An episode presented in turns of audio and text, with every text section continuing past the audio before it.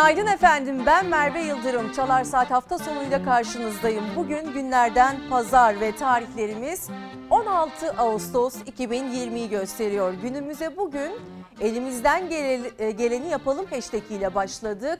Ve gündemimiz tabii ki çok yoğun her zamanki gibi.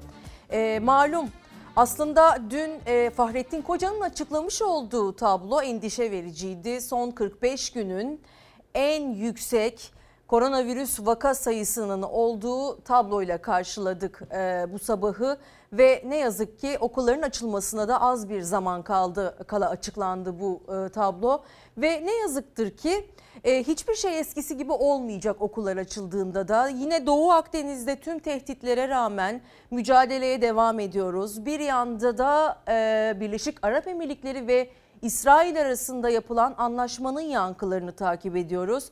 Ekonomiye istinaden de konuşacaklarımız var. Meral Akşener özellikle açıklamalarıyla yine gündemdeydi ve MHP lideri Devlet Bahçeli'den gelen evine dön çağrısı sonrasında ilk kez canlı canlı bir açıklama yaptı. Tüm maddelere birlikte göz atacağız gazetelerimizle beraber. Hava durumuna bakmadan önce e, bir gazeteyi e, gazeteden başlayalım. 9 Tütün gazetesiyle başlıyoruz.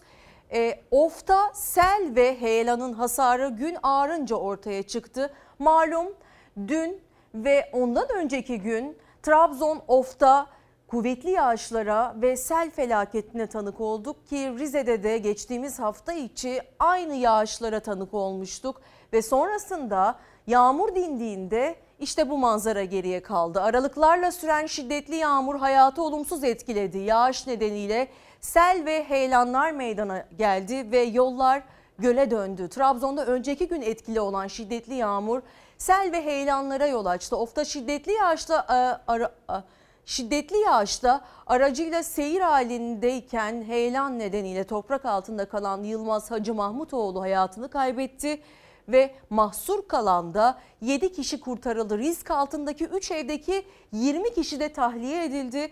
Ama ilçede belediye ve karayolları ekipleri heyelanda kapanan bazı mahalle yollarının ulaşımı açılması için aynı zamanda çalışma başlattı. Bölgede pek çok tarım arazisi Balçığa gömülürken temizlik ve hasar tespit çalışması başlatılabilen ilçede hasarın boyutuysa gün ağarınca ortaya çıktı. İşte bölgedeki birçok tarım arazisi balçık altında böyle kaldı. Bu fotoğraf karesi de aslında yetersiz altyapının bir göstergesi olarak yine önümüze serildi. Peki yağışlar devam edecek mi memleketimizin dört bir yanında ya da hava sizin memleketinizde bizim mevkimizde nasıldır? Hava durumuna bakıyoruz sonrasında buluşuyoruz. 9 il için sağanak yağış uyarısı geldi Meteoroloji Genel Müdürlüğü'nden. Çoğunlukla önceki gün sel felaketinde bir kişinin hayatını kaybettiği Karadeniz bölgesi için. Ordu ve Giresun'un iç kesimleri, Rize, Artvin, Kars, Ardahan, Ağrı, Iğdır çevreleri ve Van dikkatli olmalı, önlemlerini almalı. Dün ve önceki gün Trabzon'un Of ilçesinde yoğun yağış heyelana sebep olmuş. Bir kişi heyelan altında kalarak can vermişti. Vatandaşlar çaresizliklerini telefonlarıyla kayda almıştı. Arabalar Yağış Doğu ve Orta Karadeniz için bugün de devam ediyor. Bu kez uyarı Ordu ve Giresun'un iç kesimleri için Rize, Artvin, Kars, Ardahan, Ağrı ve Iğdır çevreleri, Van'ın doğu kesimleri için. Bu bölgelerde sağanak ve gök gürültülü sağanak yağış bekleniyor. Yağışlar özellikle 12-18 saatleri arasında etkili olacak. Vatandaşlar sel, su baskını gibi olumsuzluklara karşı dikkatli olmalı. Yurdun geri kalanında hafta az bulutlu ve açık bir gökyüzüyle bitiyor. Hava sıcaklıklarında önemli bir değişiklik olmayacak. Kuzey, iç ve doğu kesimlerde mevsim normallerinin biraz altına inebilir. Denizlerimizde ise genellikle hafif, ara sıra orta kuvvetli esecek rüzgar bekleniyor.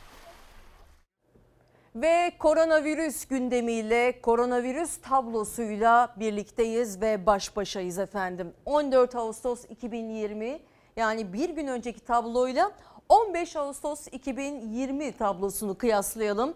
Vefat sayısı 14 Ağustos'ta 22 iken bir gün sonra 21 oldu ve iyileşen sayısı da 923'tü.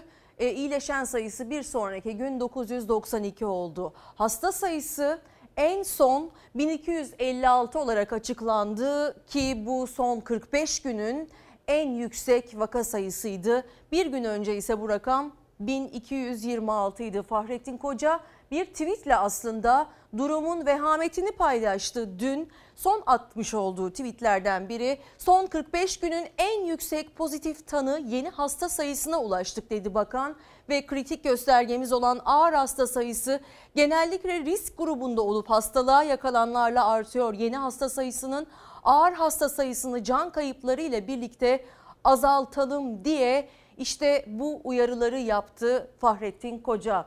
Durum pek iç açıcı değil. Üstelik okulların açılmasına çok az bir zaman kala hem sağlık çalışanları hem bilim kurulu üyeleri çok endişeliler. Tabii ki biz de endişeliyiz ve özellikle çocuklarını okula göndermek üzere hazırlıklara başlayan veliler için ciddi anlamda tedirginlik verici bir durum. Ve tüm bunlar olurken son 45 günün en yüksek seviyelerine ulaşmışken bir yanda kalabalık mekanlardaki eğlencelerde tüm hızıyla sürüyor. Üstelik yasaklara rağmen. Sonbaharda e, vakaların artışını önlemek için e, mutlaka ek tedbirler alınması gerekir. Çünkü e, hiçbir tedbir almadan sadece halka mesafe ve maske önererek geldiğimiz nokta budur. Sadece öneriyle bu kadar oldu. Bir yanda önlemlerin sıfıra indiği eğlenceler, diğer yanda karantinaya alınan mahalleler. Ankara'da 86 yaşındaki hastayı ziyaret eden 25 kişiyle beraber tüm mahalle karantinaya alındı. İstanbul'daysa tekne ve yatlar eğlence mekanına çevrildi. Sosyal mesafe ve maske kuralları hiçe sayıldı düğünlerde. 15 Ağustos tablosu da durumun ciddiyetini ortaya koydu. Son 45 günün en yüksek yeni hasta sayısına ulaşıldı. 1256 kişi koronavirüse yakalandı. 21 kişi hayatını kaybetti. Ağır hasta sayısı 668 oldu. Belirtisiz virüs bulaştıran kişilerden korunmak için devletin e, alması gereken önlemler var. Bizim almamız gereken önlemler var. Devletin alması gereken önlemler bu insanların yakalanıp bulunup e, ve bir an önce izole edilmesi, toplumla ilişkisinin kesilmesidir.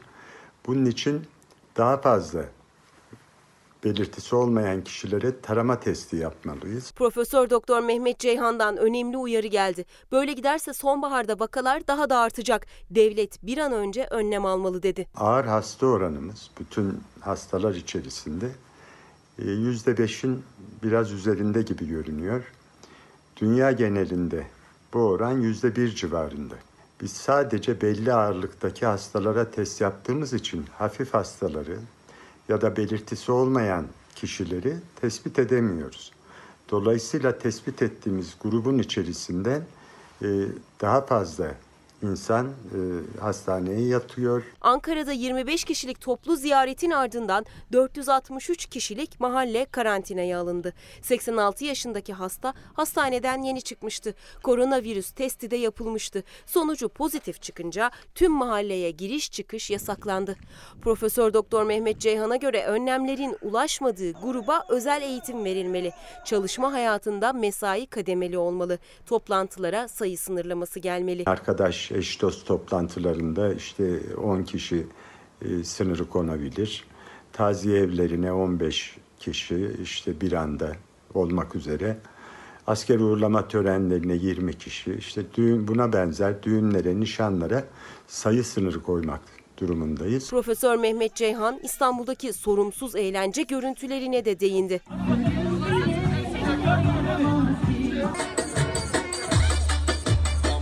Süper bulaştırıcı dediğimiz insanlar vardır. Bunlar virüsü 2-3 e, kişiye değil birdenbire 50 kişiye 100 kişiye bulaştırabiliyorlar. Bu insanlar virüsü çok uzağa atabilirler. Diyafram yapıları nedeniyle. Bursa'da bir düğüne 500 kişi katıldı. Koronavirüs tehlikesini unutan davetliler kol kola halay çekti. Gece gündüz seni,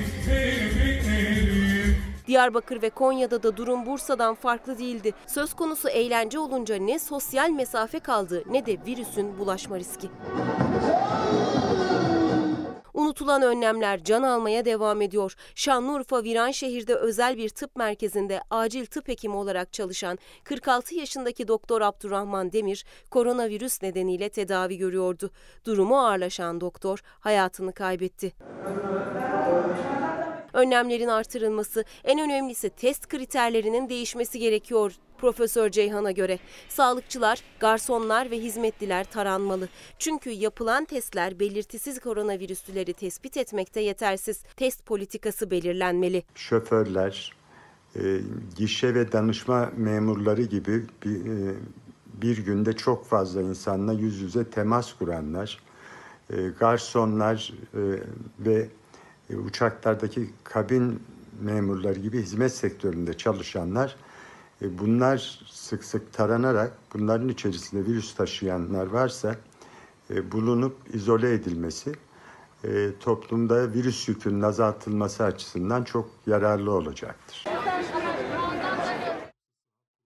İşte bilim kurulu üyelerinin ve e, Sağlık Bakanı Fahrettin Koca'nın son zamanlarda yapmış olduğu en net açıklamalara tanık olduğumuz bir günü geride bırakıyoruz ki önümüzdeki süreçte de yine bu kalabalıkların sonucunu beraberce bedelini ödeyeceğiz gibi bir manzara var karşımızda. Tabii ki dünyada da vaka sayıları oldukça yüksek ve artmaya devam ediyor. Virüsün önüne geçmek için sağlık çalışanlarımız bu kadar emek sarf ederken kendi sağlıklarıyla burun buruna gelirken bizler de elimizden geleni yapmak zorundayız. Tabii ki sadece maske ya da hijyen kuralları ile önüne geçemediğimizin farkına vardık ki bilim kurulu üyelerimizden de bu gibi durumlarla karşı karşıya kaldığımızda aynı cümleleri duyuyoruz. Ama en azından bizler kendi üzerimize düşen her ne varsa yapmak durumundayız. Gazetelerde acaba koronavirüs gündemiyle alakalı ne gibi e, maddeleri göreceğiz? Örneğin akşam gazetesinde olan 65 yaşa olduğu başlığını görüyoruz.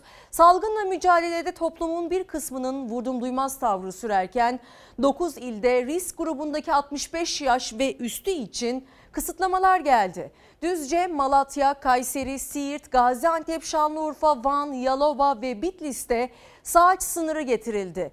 Düğün, pazar ve alışveriş merkezleri de yasaklandı ki bu yasakların tüm ülke genelinde tüm illerimize yayılması da an meselesi olası yüksek bir ihtimal aslında. Diliyoruz ki tekrar evlerimize kapanmak zorunda kalmayız ama eğer durum böyle devam ederse bizler yeniden evlerimizde kalmak zorunda olabiliriz. Tabii ki ekonomimiz de bunu kaldırmaz. O yüzden dikkatli olmak zorundayız. Aydınlık gazetesinden de bir detay görüyorsunuz. Koronada ciddi iddia. Ambulansla geliyorlar, dolmuşla dönüyorlar ki bunu belki siz izleyicilerimiz arasında da pek çok e, tecrübe eden vardır. Son günlerde korona vakalarındaki artış dikkat çekiyor. Bunun nedeninin mücadeledeki gevşeme olduğu ileri sürüldü. Ankara'da sağlık çalışanları Covid-19 şüphesiyle ambulansla hastaneye kaldırılan kişilerin testi pozitif çıkmasına rağmen dolmuşla evine gönderildiğini iddia etti. Pozitif çıkan bazı vatandaşlar da iddiaları doğruladı ki özellikle yurt dışından ülkemize gelen ve karantinaya alınması gereken, kontrol altında tutulması gereken pek çok vatandaşın da aslında karantinaya alınmadığını ve herhangi bir e, kısıtlamayla karşı karşıya kalmadığını da duyduğumu belirtmek isterim. Yakın çevremden özellikle yurt dışından gelip e, karantinada 15 gün süre boyunca kimseyle görüşmemesi gereken o süre içerisinde normal hayatına hiçbir şekilde kısıtlama olmadan devam ettiğini de bizzat e, tanık olmuş biri olarak paylaşmak isterim. Sağlık Bakanlığı'nın belki bu konuda ya da e, yetkili kimse bu konuda biraz denetimleri sıkı tutması gerekiyor dediği gibi e, sayın hocamızın da sadece maske takarak ellerimizi dezenfekte ederek bu virüsün önüne geçemiyoruz. Galiba tedbirlerin biraz daha sıkı olması gerekiyor ya da koronavirüsün e, özellikle pozitif çıktığı vakalarda yeniden e, toplum arasında karışmaması için karantina sürecinin belki de hastanelerde ya da ayrılmış merkezlerde e, sürdürülmesi gerekiyor. Çünkü bireyi tek başına bıraktığımızda yeterli sorumluluğu gösteremiyor Ve bu virüs de işte böyle böyle ondan ona ondan ona bulaşıyor. Biz de önüne geçemiyoruz.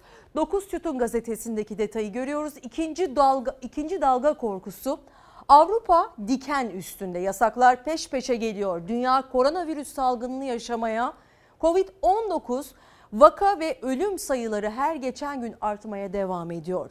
Durumun stabil hale geldiği ülkelerde dahi ikinci dalga korkusu baş gösterdi ve yasaklar yeniden uygulamaya konuldu. Salgının merkezi Amerika Birleşik Devletleri dünya genelinde korona vakaları 21 milyonun üzerine çıkarken toplam can kaybı da 758 bini aştı. 5.5 milyon vaka ve 170 binden fazla can kaybıyla Amerika Birleşik Devletleri salgının merkezi gibi görünse de artan vaka sayıları nedeniyle Avrupa'da diken üzerinde. Amerika Birleşik Devletleri, Rusya, Mısır, İsrail ve Türkiye dahil 130 ülke riskli bölge. Karantina uygulanacak ikinci bir başlık. ikinci dalga korkusuyla birçok ülke yeni koronavirüs tedbirlerine ve karantina önlemlerine geri dönmek zorunda kaldı. Buna göre valiler serbest dolaşımı kısıtlamaya, restoran ve kafeler gibi kamuya açık bazı iş yerlerini kapatmaya ve toplu taşıma araçlarını sınırlandırmaya yönelik kararlar alabilecek ki dün paylaşmıştık. Mahalle denetiminin gelmesine dair bir haber duyurmuştuk sizlere. Özellikle e, mahalledeki muhtarlara, din görevlilerine ve belli meslek grubunda çalışan insanlarımıza bu konuda görevler verilmesi olası bir ihtimal. Bunu da İçişleri Bakanlığı'nın duyurusuyla e, haber olarak sizlerle paylaşmıştık. Evrensel Gazetesi'ndeki detay 39.5 derece ateşle saatlerce bankta yattı. Az önce paylaştığımız bir haberin başka bir boyutu aslında. Covid-19 şüphesiyle kardeşini hastaneye götüren bir hasta yakını yazdığı mektupla yaşadıklarını anlattı. Saatlerce bank, bankta yattık, sıra çok, insanlar tepkili ve sağlıkçılar yorgun. Yaşadıklarım gerçeği gösterdi dedi ve tükenme aşamasına geldik diye de bir cümle söz konusu. Ankara'da koronavirüs şüphesiyle kardeşini hastaneye götüren Hilal Kılıç kardeşinin 39,5 nokta 39,5 derece ateşle saatlerce bankta yattığını, sonra başka bir hastaneye gönderildiklerini anlattı. Sağlık çalışanlarının da yorgun olduğunu belirten Kılıç, kendisine ise test yapılmadığını belirterek test sayısı arttı, hastaneler yoğun değil sözleri artık bana gerçekçi gelmiyor dedi.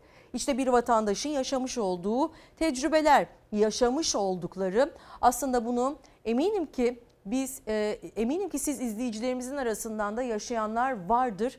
Ben şu örneği verebilirim. Babam bundan bir buçuk ay önce yüksek ateşle ambulansla hastaneye kaldırıldı. Tabii ki tedbirler kapsamında ambulansa alınmadık ve e, arkasından onu takip ettik. Ancak ambulanstan indirildiğinde en yakın devlet hastanesine götürdü e, sağlık görevlileri ve ambulanstan indirildiğinde herhangi bir sedyeye konulmadan içeriye yürümesi gerektiğini ve doktorları bulması gerektiğini söyledi yetkililer. Böyle bir durumla karşı karşıya kalmış olduğum için işte bu durumunda çok yüksek bir ihtimal e, olduğunu pek çok insanın yaşadığını söyleyebilirim efendim. E, ve sağlık çalışanlarının da üzerinde durduğu bir konu. Biz burada canla başla çalışıyoruz ancak ambulans ve ilk e, teslim aşamasında büyük sıkıntılar ve sorunlar var. Yani Covid testi yaptırmak için bu şüpheyle hastaneye giden vatandaşlara belki Covid testi yapılıyor.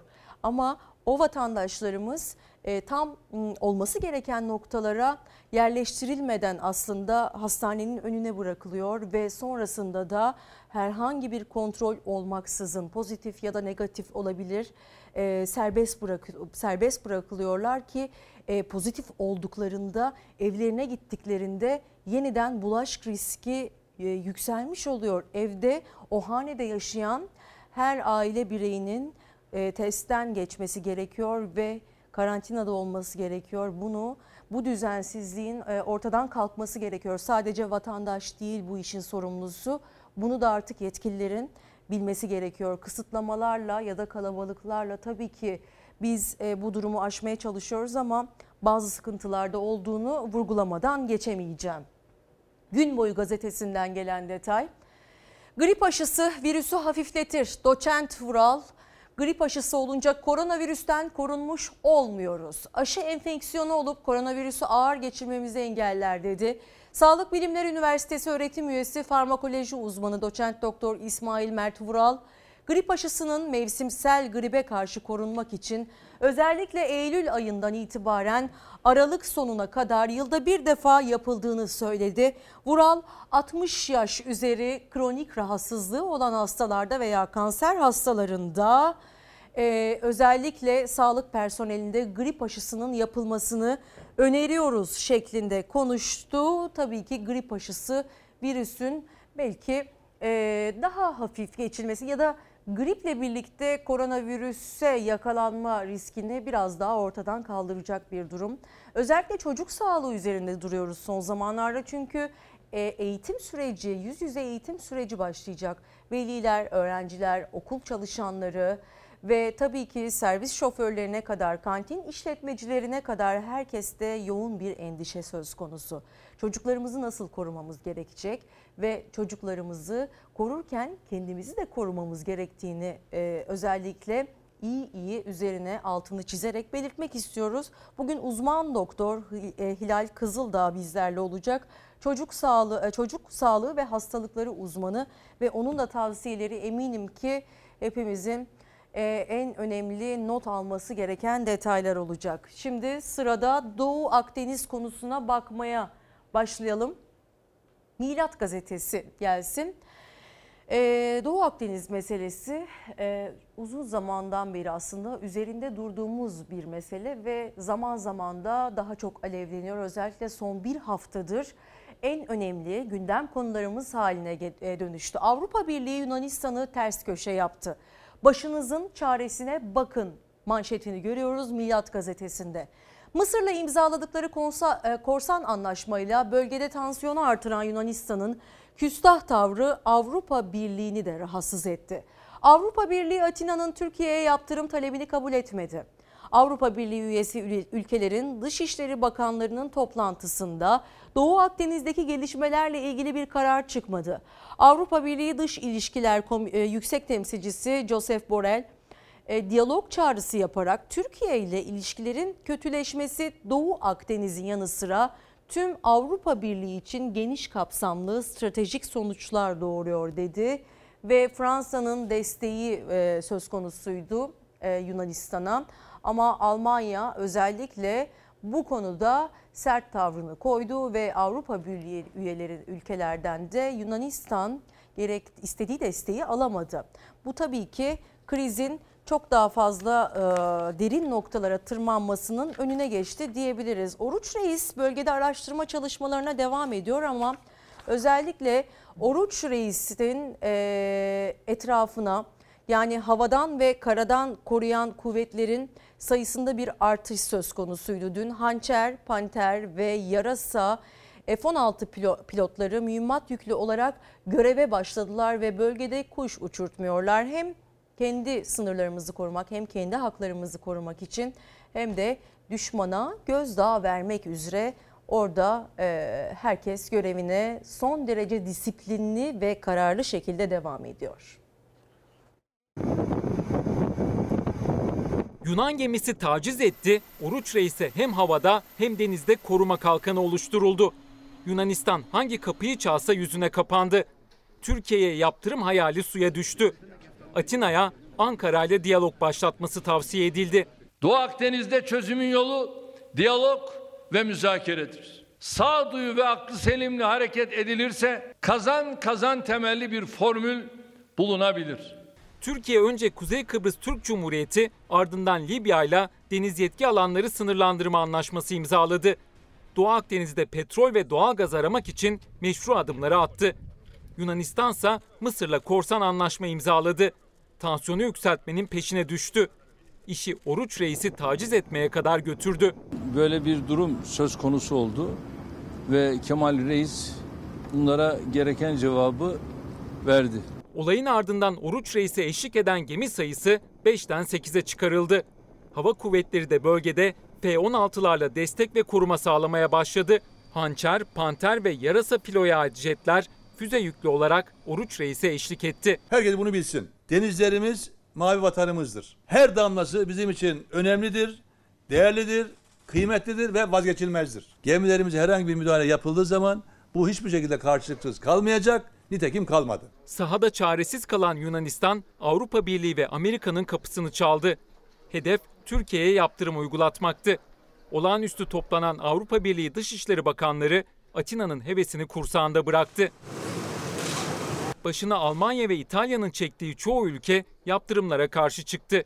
Krizin diyalog ve müzakereyle aşılması gerektiğini işaret etti. Brüksel yaşanan gerilim nedeniyle Ankara'yı kınadı.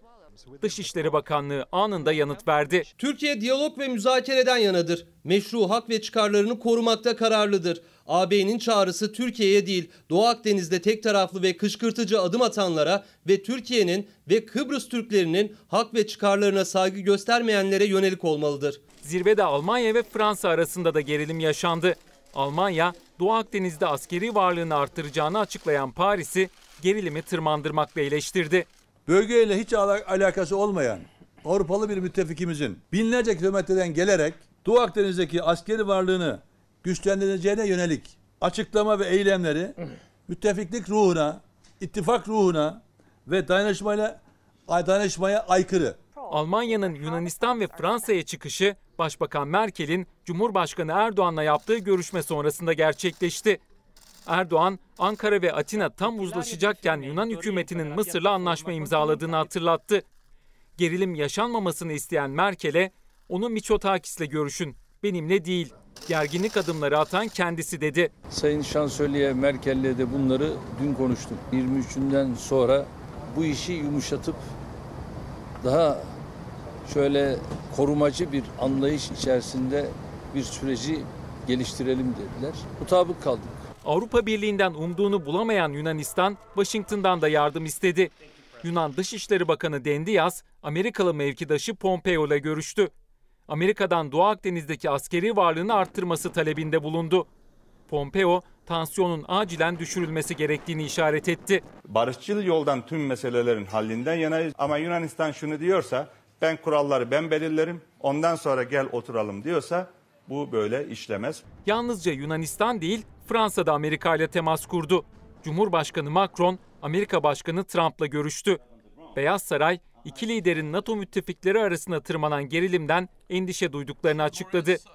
Krizi bitirmenin yolunun diyalogdan geçtiğini belirtti. Aydınlık gazetesinden masayı yıktılar, vetoyu yediler başlığını görüyoruz. Avrupa Birliği Dışişleri Bakanları olağanüstü toplandı. Yunanistan Türkiye'nin kınanmasını istedi.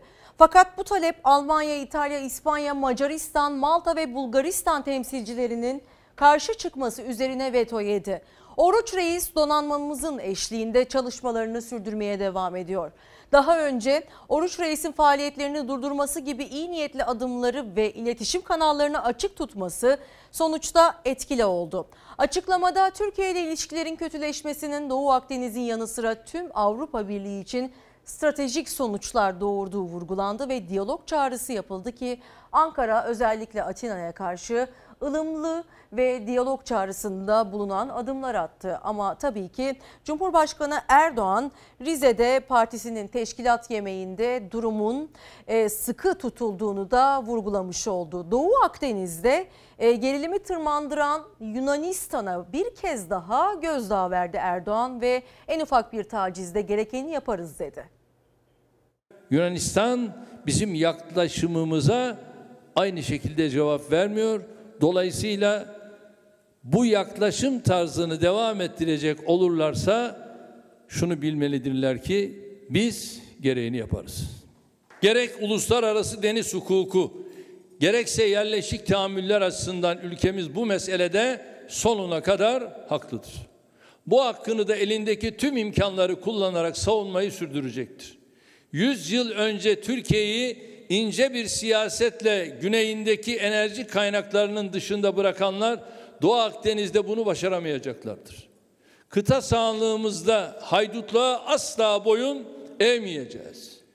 Yaptırım ve tehdit dili karşısında geri adım atmayacağız. Bir asır önce vatanımızı parçalamayı hedefleyen Sevr'i nasıl yırtıp atmışsak bugün de mavi vatanı aynı kararlılıkta koruyacağız.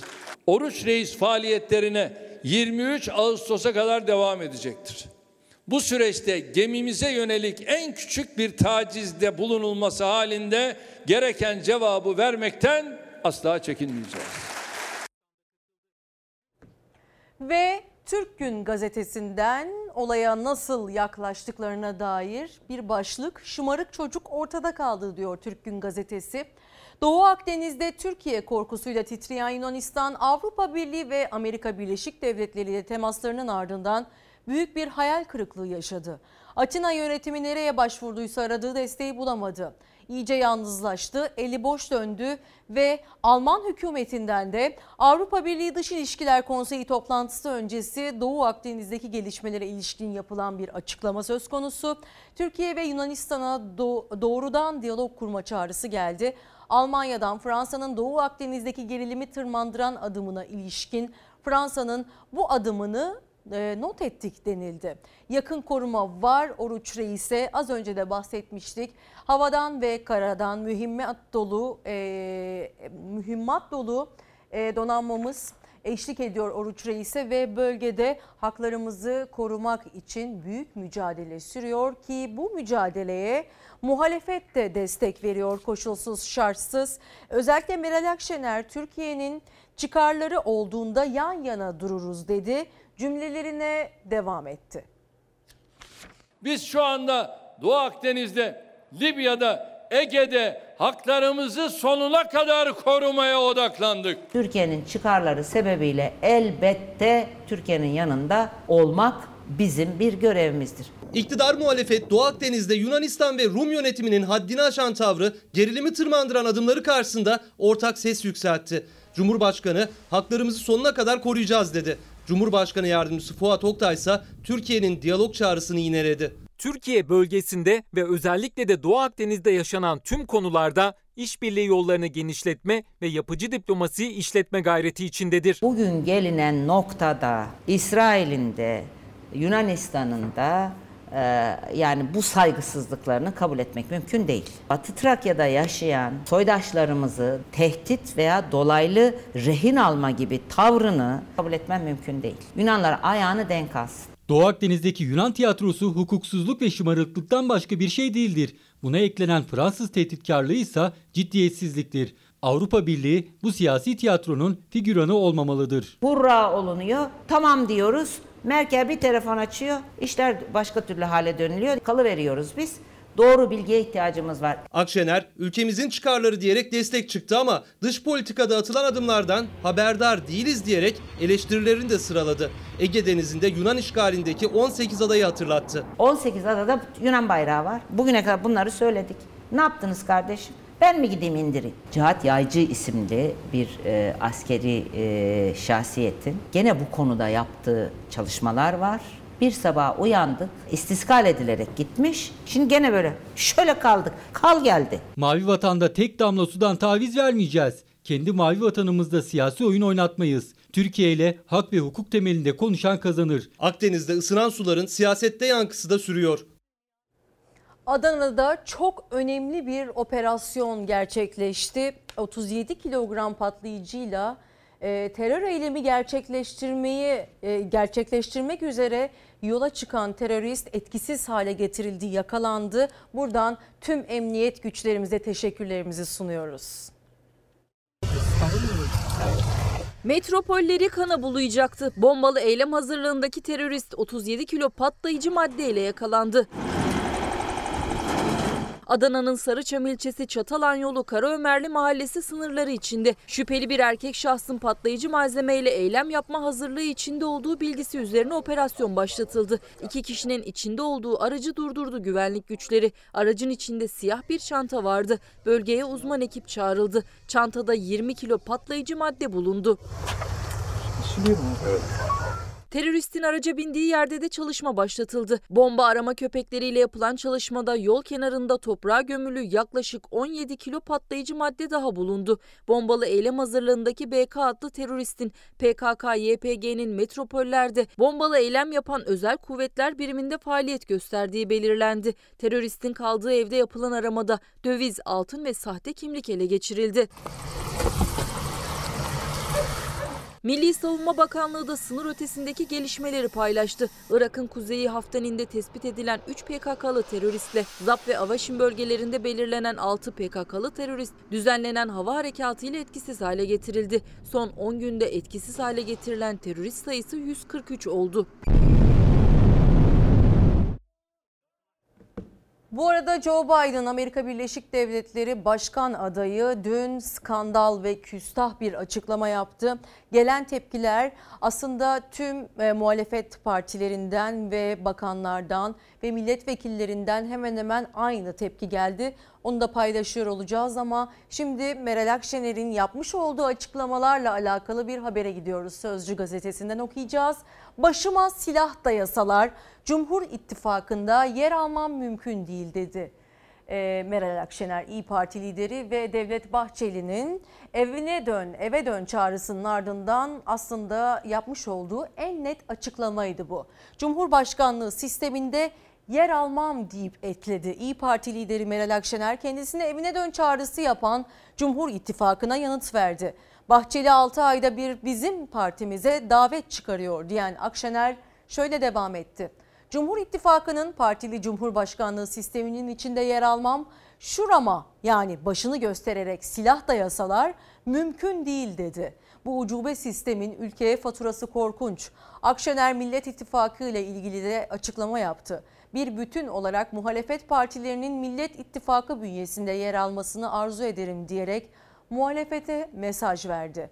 Ve işte o hareketi yaparken Meral Akşener'in de fotoğrafı böyle e, kayıtlara geçmiş oldu. Şurama silah dayasalar derken eliyle başını işaret etti. Peki o anlarda başka ne gibi cümleler sarf etti? Meral Akşener'in sesine kulak veriyoruz. Cumhur İttifakı'na partili cumhurbaşkanlığı sisteminin içinde yer almam mümkün değil. Şurama silah dayasalar mümkün değil. Bahçeli'nin eve dön çağrısıyla başlayan Cumhurbaşkanı Erdoğan'ın Cumhur İttifakı'na gel davetiyle devam eden tartışmalara İyi Parti lideri Akşener en net ve sert cümlelerle noktayı koydu. Başıma silah dayasanız mümkün değil diyerek. Tayyip Bey ile Devlet Bey'in neredeyse sinkaf denilir birbirlerine o ağır hakaretlerin neticesinde hiçbir şey olmamış gibi et tırnak haline gelen bir birliktelik kurulması seçmende yarattığı travma şu. Bunlar bunu yaptığına göre herkes her şeyi yapar. Buradan söylüyorum. Bunlar bunu yapabilir. Meral Akşener onu yapmaz. Akşener KRT televizyonuna konuştu. Cumhur İttifakı'ndan gelen davete bu kez kapıyı sert kapattı. Her cümlesinde güçlendirilmiş parlamenter sisteme dönüş vurgusu vardı. Siyaseti dalgalandıran davet sonrası da parlamenter sisteme destek veririz demişti. İktidar, Cumhurbaşkanlığı hükümet sisteminden dönüşü kabul ederse Cumhur İttifakı'na girer misiniz sorusuna da yanıtını etti. Hayır onu Sayın Kılıçdaroğlu da masada olacak. Siz eğer referandumsuz bunu halledecekseniz İyi Parti'de Cumhuriyet Halk Partisi'nin milletvekilleri de evet verecek. Beraber olunacak. Bir ortak noktada buluşulacak. Hep beraber bunu yapacağız, seçime gideceğiz. Bu ucube sistemin Türkiye'ye getirdiği fatura korkunç. Güçlendirilmiş parlamenter sistem özlemleri boşuna bir taleptir. Kendisinin projesi olduğu anlaşılıyor bu ucube sistemin. Diyor ki ben yaptım. Sayın Bahçeli'yi tam anlamak mümkün değil. Görev amiri gibi davrandığı için tanzim ediyor bizi. Sen şurada duracaksın, sen şurada duracaksın diye. Ben siyasi olarak Sayın Erdoğan'a mesaj olarak okudum. Bahçeli'nin açıklamasının Cumhurbaşkanı'na mesaj olduğunu söyledi Akşener. Sistemi değiştirelim, seçime öyle gidelim resti çekti. Sözü bu kez Cumhurbaşkanı'nın İyi Parti için kurduğu yerli milli açıklamasına getirdi. Dağınıklıkta bir şey yok. Ne kadar birlik beraberlik artarsa hele hele HDP ile terör örgütleriyle el ele olmak milli ve yerli olarak düşündüğümüz İyi Parti'ye hiç uygun da düşmeyebilir. Bu partiyi yerli ve milli olarak ilan ettiniz. Bunun arkasında durmalısınız. sonra beni kandırdılar dememelisiniz. Ben Sayın Erdoğan ağzından hapse attırım seni demenin dışında o bir tehdittir. Ama bizzati hakaret, iftira duymadım. Aşağısı Allah seçimlere gittiğimiz takdirde rekabet ortamında FETÖ'cü, şucu, bucu veya işte şeyci e, PKK'lı gibi sözler söylemesinin karşısında tutum almasını bekliyorum. Akşener her cümlesini Bahçeli'yi hedefe koyarak kurdu. Davet polemiği yeni bir evreye taşındı. Cumhur İttifakı ortaklarından Erdoğan ve Bahçeli'den gelecek yanıt merak konusu. Haftalardır kanayan yaramız İstanbul Sözleşmesi özellikle kadınlar ve çeşitli sivil toplum kuruluşları meydanlarda günlerdir İstanbul Sözleşmesi'nin iptal olmaması için e, mücadele veriyor. Öyle ki Cumhurbaşkanı Erdoğan'ın kızı Sümeyye Erdoğan'ın da yönetimde olduğu kadem üyelerinden de pek çok kadın bu duruma e, tepkisini dürüst ve net bir şekilde dile getirdi. Cumhurbaşkanı Erdoğan konuyla ilgili ilk kez dün konuşmuştu. Dün paylaşmıştık bunu ve e, bu konuyla alakalı yeni bir gelişme var. AK Parti'nin İstanbul Sözleşmesi için iki ayrı yol haritası belirlediği söyleniyor ve salı günü MYK'da aslında Erdoğan'a sunulacak bu yol haritaları. AK Partili Numan Kurtulmuş'un da konuyla ilgili net bir açıklaması söz konusu. İstanbul Sözleşmesi yaşatır. Ailenin temeline dinamit koyan hiçbir anlayış, hiçbir düzenleme insani olmadığı gibi meşru da değildir. İstanbul Sözleşmesi'ni feshedebileceklerini ima etti. Yani öyle gözüküyor ki Türkiye'deki demokrasi tarikatlı ve cemaatlerin etkisinden hala kurtulamamış. Yaratılışta eş olan kadın ve erkeği birbirine düşman ve rakip hale getiren hastalık zihniyetli bir hastalıktır. Bir avuç sapkına da meydanı bırakmayacağız. Cumhurbaşkanı Erdoğan'ın İstanbul Sözleşmesi'ni hedef alarak kurduğu keskin cümleler, sözleşmeyi tartışmaya açan isim Numan Kurtulmuş'un yeni açıklamaları, İstanbul Sözleşmesi'nden çıkılacak mı çıkılmayacak mı tartışması yeni açıklamalarla bir kez daha alevlendi. AK Parti içinde yapılan çalışmada da sona gelindi. Ağırlık yeni bir sözleşme hazırlığı. Tercüme metinler yerine artık kendi çerçevemizi kendimiz belirlememiz gerekiyor. Kulislere göre AK Parti'nin iki yol haritası var. Yeni bir sözleşme kaleme almak ya da AK Parti'ye ve belli bir kesime göre tartışmalı olan maddelere şerh koymak. O maddelerden biri de cinsiyet ayrımı yapmaksızın şiddet gören herkesin korunmasını düzenleyen dördüncü madde. Kadına şiddeti besleyen zihniyetle mücadele et diyor bu sözleşme. Aileyi bozma riskini taşımıyor. Kızı Sayın Bayraktar sözleşmenin devam etmesi yönünde görüşlerini açıkça ortaya koydu. Aynı şekilde Adalet ve Kalkınma Partisi de ikiye bölündü. Aile birliğini ve kendi partisinin birliğini düşünüyorsa Sayın Erdoğan bu sözleşmenin devam etmesi yönünde tavır almalı. Marjinal, sıra dışı bazı sinsi ideolojilere sonuna kadar dikkatli olacağız. Onların rahatsız olduğunu söylediği şeyler de bu sözleşmede yazmıyor. Çok büyük çoğunluğu. Kadın örgütleri muhalefet gibi İstanbul Sözleşmesi'ni Sümeyye Erdoğan Bayraktar'ın da yönetim kurulunda olduğu kadem ve AK Parti içinde de savunanlar var. Haftalardır AK Parti MYK'sında da tartışıldığı biliniyor. Cumhurbaşkanının ne karar vereceği merak edilirken Erdoğan ilk açıklamasında sözleşmeden çıkılacağının sinyalini verdi. Aileyi merkeze alan metinler çıkarma potansiyeline ziyadesiyle sahip olduğumuza inanıyorum. İstanbul Sözleşmesi'ne başlangıçta verdikleri destek kendisinin bir beyanı vardı. Demokrasi bir tramvaydır. Zamanı geldiğinde ondan inilir. İstanbul Sözleşmesi'nde belli ki böyle görmüş. Ankara kriterleri der ve yolumuza devam ederiz. Cumhurbaşkanının Ankara kriterleriyle devam ederiz açıklaması yeni bir sözleşme için çalışıldığı iddiasını güçlendirdi. AK Partili hukukçuların hazırladığı taslak Erdoğan'a sunulacak. Cumhurbaşkanının da o rapordan sonra bir ay içinde karar vereceği konuşuluyor. Aşırı hazcılık evliliklerin lüzumsuz ve gereksiz addedilmesi, insanların tek başına yaşamaları, aileye tabir caizse köküne dinamit koyan bir yaklaşımla ele aldıklarını biliyoruz. İstanbul Sözleşmesi'nden çıkılmasını savunan AK Parti Genel Başkan Vekili Numan Kurtulmuş'un kurduğu bu cümlelerde tartışmaya yeni bir başlık açtı. Bugün güne elimizden geleni yapalım hashtag ile başladık. Hemen sizden gelen birkaç mesajı paylaşmak istiyorum. Ee, Sağlık Bakanlığımız çok tedbir almalı. Hasta olanlar dikkat etmiyorlar, evde durmuyorlar. Evlerinde kalıp ilaçlarını almaları gerekiyor diyen bir izleyicimiz var. Ve Alanya'daki sosyal mesafe kurallarının aşıldığını ve kalabalığın çok olduğunu, plajların iç içe kötü olduğunu söylüyor Sadullah Biçer ve Mustafa Bey. Mustafa Bey bir ricada bulundu şimdi.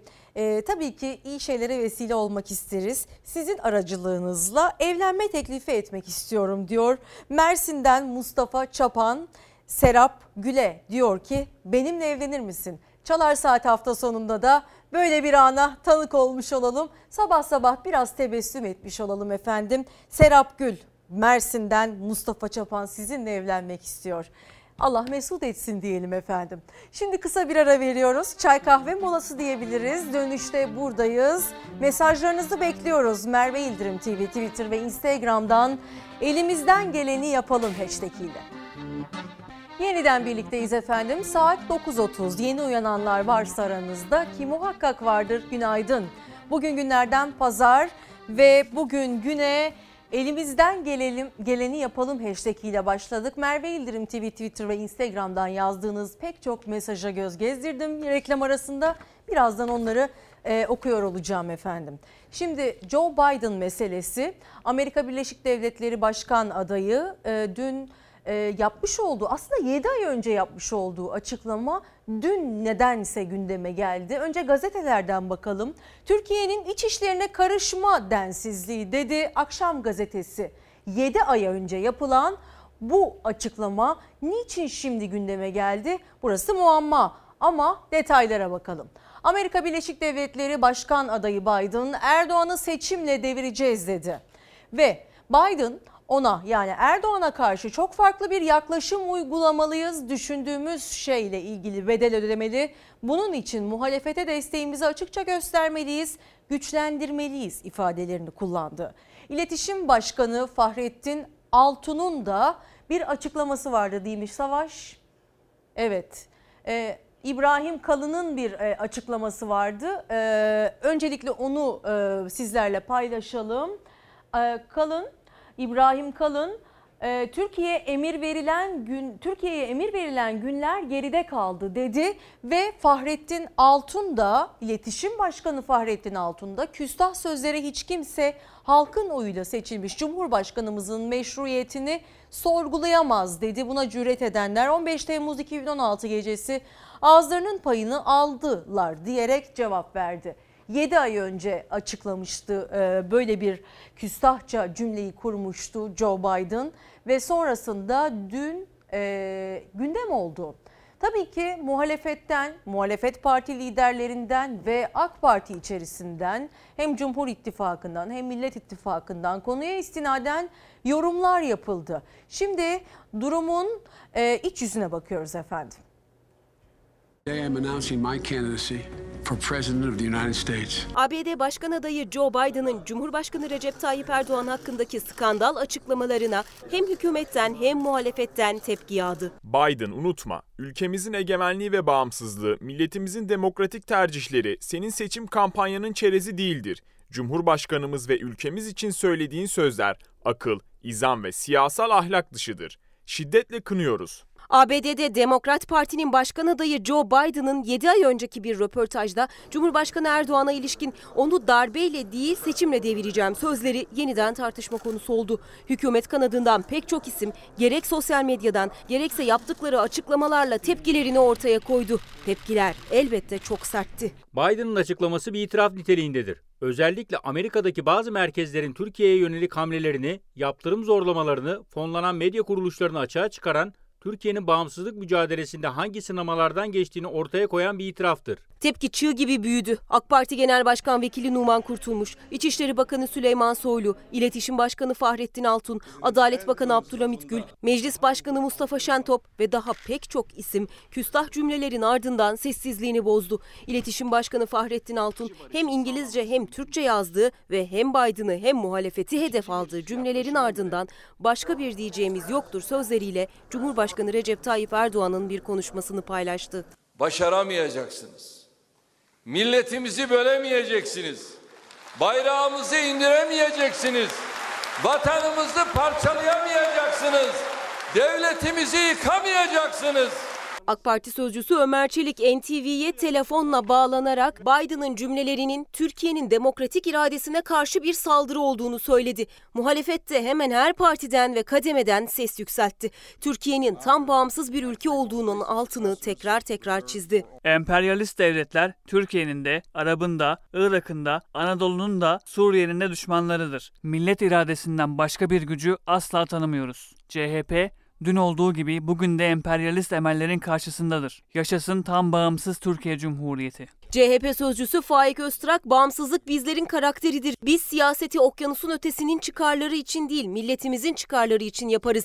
Joe Biden, Erdoğan'ın değirmenine su taşımaktan vazgeçsin dedi. Saadet Partisi Genel Başkanı Temel Karamollaoğlu ise sosyal medyadan paylaştığı mesajının sonuna Amerika'da aylardır süren ırkçılık karşıtı eylemlerin sloganı I can't breathe, nefes alamıyorumu ekledi. Amerika başka ülkelerin iç işlerine karıştığı müddetçe dünyaya hiçbir zaman barış ve huzur gelmeyecek. Kendi içlerinde sıkıntıların her geçen gün arttığı bir ortamda Joe Biden'a düşen görev önce kendi ülkesinin sorunlarına odaklanmak olmalıdır. Türkiye, Türkiye'den yönetilir. Ülkemiz siyasetini dizayn etmenize asla izin vermeyeceğiz. Sorunlarımız ne kadar büyük olursa olsun kendi içimizde çözecek bilgi, birikim ve tecrübeye ülke olarak sahibiz. Siz kendi dertlerinize yarın. CHP Grup Başkan Vekili Özgür Özelsi açıklamanın 7 ay sonra gündeme getirilmesini tükenmişlik itirafı olarak yorumladı. Bizler kurulur kurulmaz icazet almaya ABD'ye gidenlerin Trump'ın mektubuna susanların değil, Johnson mektubunda İnönü, Haşhaş krizinde Ecevit,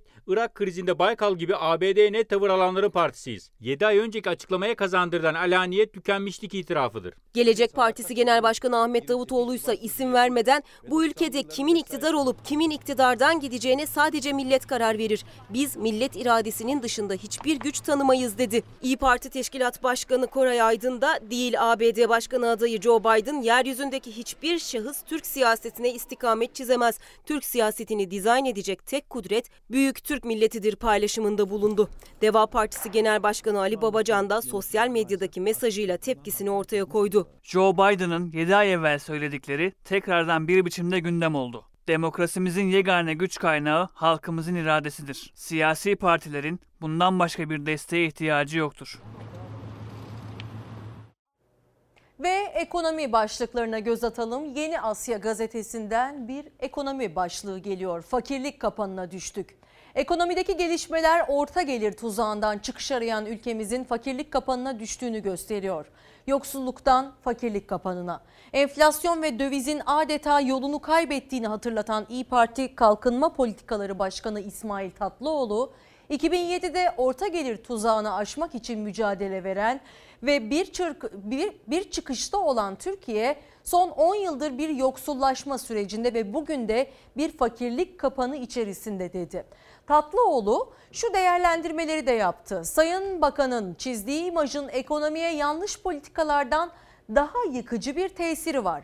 Yakınları korumak ülkeyi korumaktan, yakınların itibarı ülkenin itibarından daha önemli değildir. Nepotizm Türkiye'nin bugün önemli bir hastalığıdır dedi Berat Albayrak'ın e, Hazine ve Maliye Bakanı'nın özellikle dolar hususunda, dolar konusunda yükselen kur rakamları konusunda yapmış olduğu açıklamalar hem ekonomistler tarafından e, aslında e, ciddiye alınmadı ama aynı zamanda da e, ekonominin başında olduğu için de ciddiye alınarak e, bir şekilde yorumlandı. Dolar kurunun bizi etkilemediğini söyledi Berat Albayrak ve bu aslında Türkiye'de e, herhalde e, hemen hemen herkesin değişik olarak algıladığı bir konudur. Asgari ücretli tenceresini zor kaynatıyor. Bu da Yeni Çağ gazetesinden bir başka ekonomi detayı. Türkiye İstatistik Kurumu verilerine göre Kurban Bayramı'ndan bugüne kadar asgari ücretlinin sofrasından 22 kilo tavuk, 4 kilo et azaldı. Asgari ücretle çalışanlar geçen yıla göre 250 kilo daha az bulgur ve 20 kilo daha az pirinç alabiliyor. İşte paramızdaki Türk lirasındaki değer kaybının bir göstergesi. Ürünlerin bir yılda ortalama artış oranı %45'lere ulaşırken sofraya konulan temel gıdalar lüks oldu borç içinde yüzen milyonlarca vatandaşımız var. Son 3 yılda Bireysel kredi borçlarını ödeyemeyen vatandaşların sayısı %33 artarak 2 milyon 536 bin. Kredi borcunu ödeyemeyenlerin sayısı ise %20 artarak 2 milyon 695 bine yükseldi. Ki önümüzdeki süreçte koronavirüs döneminde yapılan düşük faizli kredi kampanyalarından yararlanan ve geri dönüşte ödemekte zorlanacak olan milyonlarca vatandaşlar e, vatandaşımız var.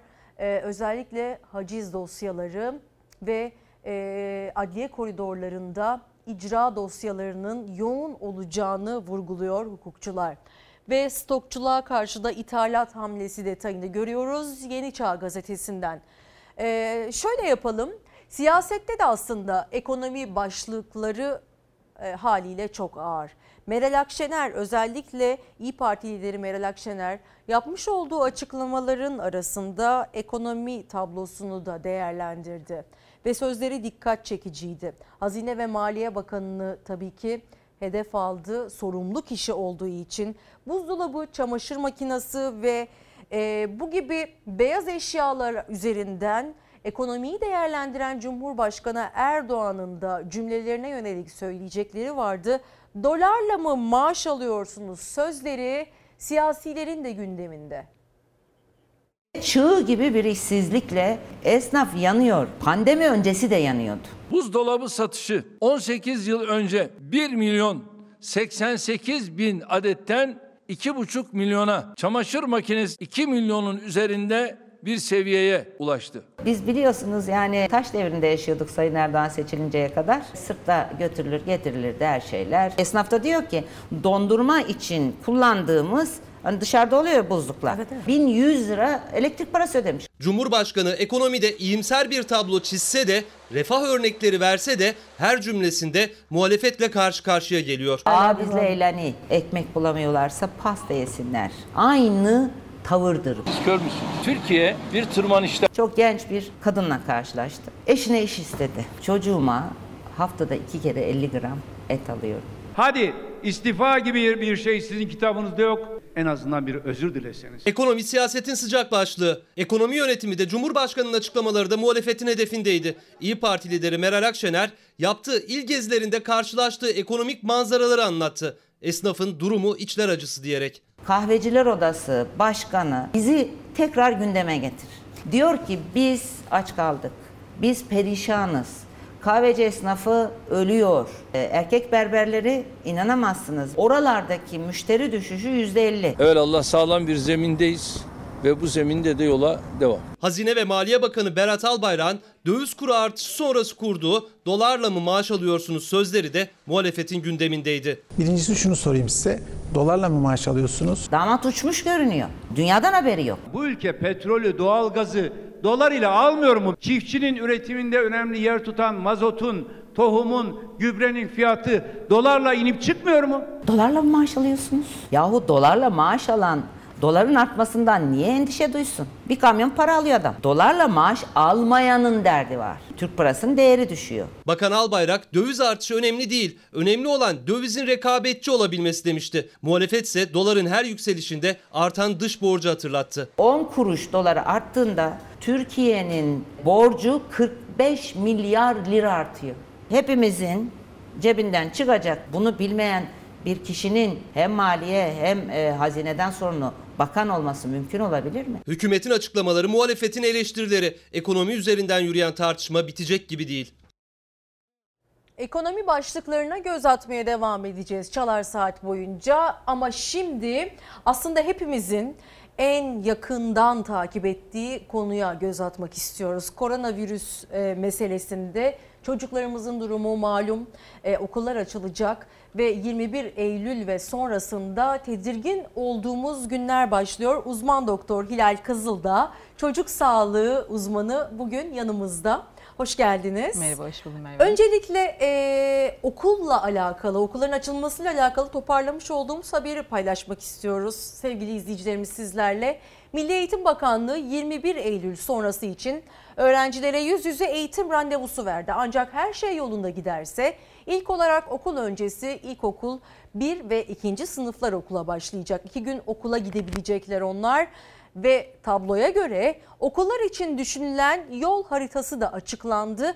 Öncelikle nasıl bir süreç bekliyor eğitimdeki yüz yüze e, olan süreçte bunu öğreniyoruz. Sonrasında çocuklarımızı nasıl koruyacağımızı öğreniyoruz. 31 Ağustos 2020 tarihinde okulları uzaktan eğitimle açıyoruz. Yüz yüze eğitim için 21 Eylül'e öğrencilere randevu verildi ancak her şey yolunda giderse aşamalı olacak öğrencilerin ve öğretmenlerin okul sıralarında buluşması. Öncelik miniklere verilecek. Okul öncesi birinci ve ikinci sınıf öğrencileri eğitime başlayacak. Ama haftanın her günü okula gitmeyecekleri gibi sınıflar da ikiye bölünecek. Covid-19'un yazın sonuna doğru tekrar yükselişe geçmesiyle Milli Eğitim Bakanlığı 2020-2021 eğitim ve öğretim takvimini güncelledi. Ancak bu takvim de aşamalarla hayata geçecek. Bakanlığı en çok düşündüren bu yıl birinci sınıfa başlayacak. Yani okuma ve yazmayı öğrenmek için can atan minik öğrenciler. Uzaktan eğitimle verilemeyecek kadar güç olan bu zorlu süreç nedeniyle 21 Eylül'de ilkokul öğrencilerine öncelik verilecek. Belli sınıf düzeylerinin öncelikli olarak açılmasından belirli e, konuların belirli noktalarının özellikle ve öncelikle işlenmesini kastediyoruz. Hürriyet gazetesinden eğitim yazarı Nuran Çakmakçı'nın ulaştığı Milli Eğitim Bakanlığı'nın planına göre öğrenciler iki gün okula gidecek. Sınıflar yarıya bölünecek. Örneğin 30 kişilik sınıfın yarısı pazartesi salı, diğer yarısı perşembe cuma yüz yüze eğitim için sınıflarda olacak. Çarşamba ve pazar günleri okullar dezenfekte edilecek. Öğrencilerin okula geldiği gün sayısı azalacak. Ders saatleri de 40 dakikadan 30 dakikaya indirilecek. Günaydın çocuklar. Birinci sınıf öğrencilerinden sonra en önemli diğer sınıflarsa bu yıl sınava girecek olan öğrenciler. Yani LGS için hazırlanan 8 ve YKS için hazırlanan 12. sınıflar okula çağrılacak. Sınav stresi yaşayan bu iki sınıf için cumartesi günü de yüz yüze eğitimle ders takviyesi yapılması planlanıyor. Onlara yönelik olarak yapılacak destek çalışmaları konusunda planlamalar yapılıyor. Bütün açılış hazırlıklarını 17 Ağustos'a göre yapan özel okullar da bakanlığın 21 Eylül açıklamasının ardından yüz yüze eğitim formülleri arayışında. Bazı özel okullar yaz okulu ya da kurs formülüyle öğrencilerine takviye eğitim vermeyi planlıyor. Sağlık boyutuna geçmeden önce Hürriyet gazetesinin manşetindeki eğitim ekonomi boyutunda hemen paylaşmış olalım izninizle. Veli ne istiyor, özel ne diyor? Veliler pandemi sürecinde özel okulların masraflarının azaldığını söyleyip indirim istiyorlar.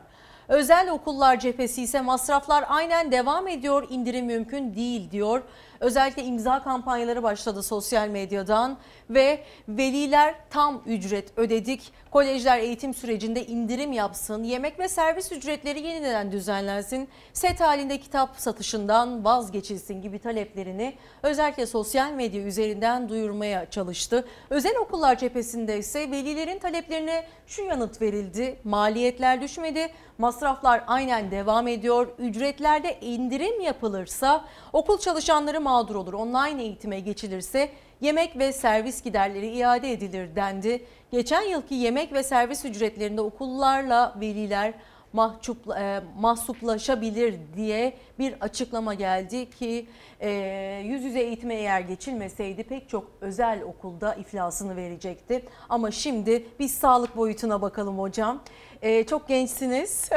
Teşekkür ederim. Ama eminim ki çok fazla tecrübeyle özellikle koronavirüs döneminde evet. karşı karşıya geldiniz. Evet. En başta şunu sormak istiyorum. Hiç koronavirüs vakası, e, ta, koronavirüsü taşıyan bir çocukla karşı karşıya geldiniz mi bu süreçte? Tabii ki temas ettik. E, tedavilerini düzenlediğimiz hastalarımız oldu. Hı hı. E, sağlıkla da taburculuklarını verdik takip ettiğimiz hastalarımızı. Peki kaç yaşındaydı o çocuklar? E, 14 yaşında bir hastamız oldu, bir 15 yaşında hastamız oldu. Genellikle biraz daha büyük vakalarımız oldu. Peki e, bu süreçte koronavirüse yakılan, yakalanan çocuklarda siz nasıl bir tedavi yöntemi uyguluyorsunuz? Aslında bakanlık düzenli olarak belli vakitlerde e, yayınlıyor. Şu algoritmaları izleyebilirsiniz diye. Biz de onlara uyum sağlayarak enfeksiyon hekimlerimize de danışarak tedavilerini düzenledik. Peki çocukların yetişkinlerden daha hızlı iyileşme durumu gerçekten doğru mudur? Genel olarak çocuklar daha hafif seyirle atlatıyorlar gerçekten. e, erişkinlerden biraz daha hafifsiyle atlatabiliyorlar ama hafif diye de önemsiz görmememiz gerekir. Hı hı. E, ama genel olarak biraz daha hafif atlatabiliyorlar. Şimdi en çok aslında bizi tedirgin eden okulların başlayacağı tarihlerde çocuklarımızı nasıl korumamız gerektiği. Nasıl beslenmeliler? Ne yapmalılar? Çünkü e, öyle görünüyor ki en büyük iş yine biz yetişkinlere düşüyor. Okullarda temizlik ve hijyen yetersiz olabiliyor maalesef ki. Ee, peki biz ne yapmalıyız? Şöyle e, bir Biraz kere- daha yüksek sesle konuşursanız. E, bir kere önemli olan gerçekten herhangi bir hastalıkta da önemli olan kişinin bağışıklık yanıtını güçlü tutmak, kişinin immünitesini desteklemek. Bunun için e, dengeli beslenmelerine özen göstermek gerekir. E, kahvaltılarını ihmal etmemek, yeterli sebze ve meyve, taze sebze meyve tüketimine özen göstermek gerekiyor. Sürekli bir yerden takviye gıda alımı gibi değil ama e, her ana öğününde her mey- e, besin grubundan bulunması gerekir.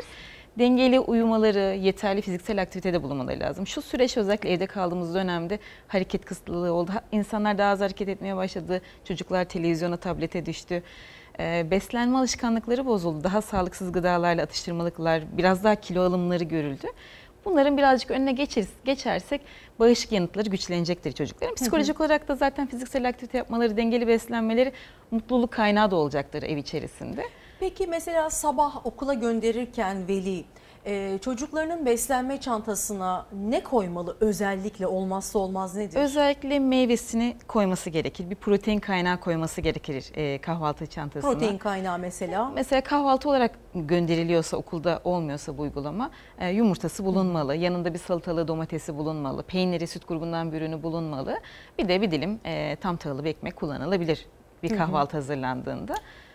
Peki e, özellikle e, bağışıklık güçlendirici e, takviyeleri bu süreçte hem biz yetişkinler hem de çocuklarımız e, oldukça fazlalaştırdı. Evet. Buna devam etmeli miyiz? Yani bu öngörülebilir bir süre olmadığı için sürekli de bir takviye almak çok faydalı olmayacaktır. Aslında e, öğrenmemiz gereken doğru beslenme.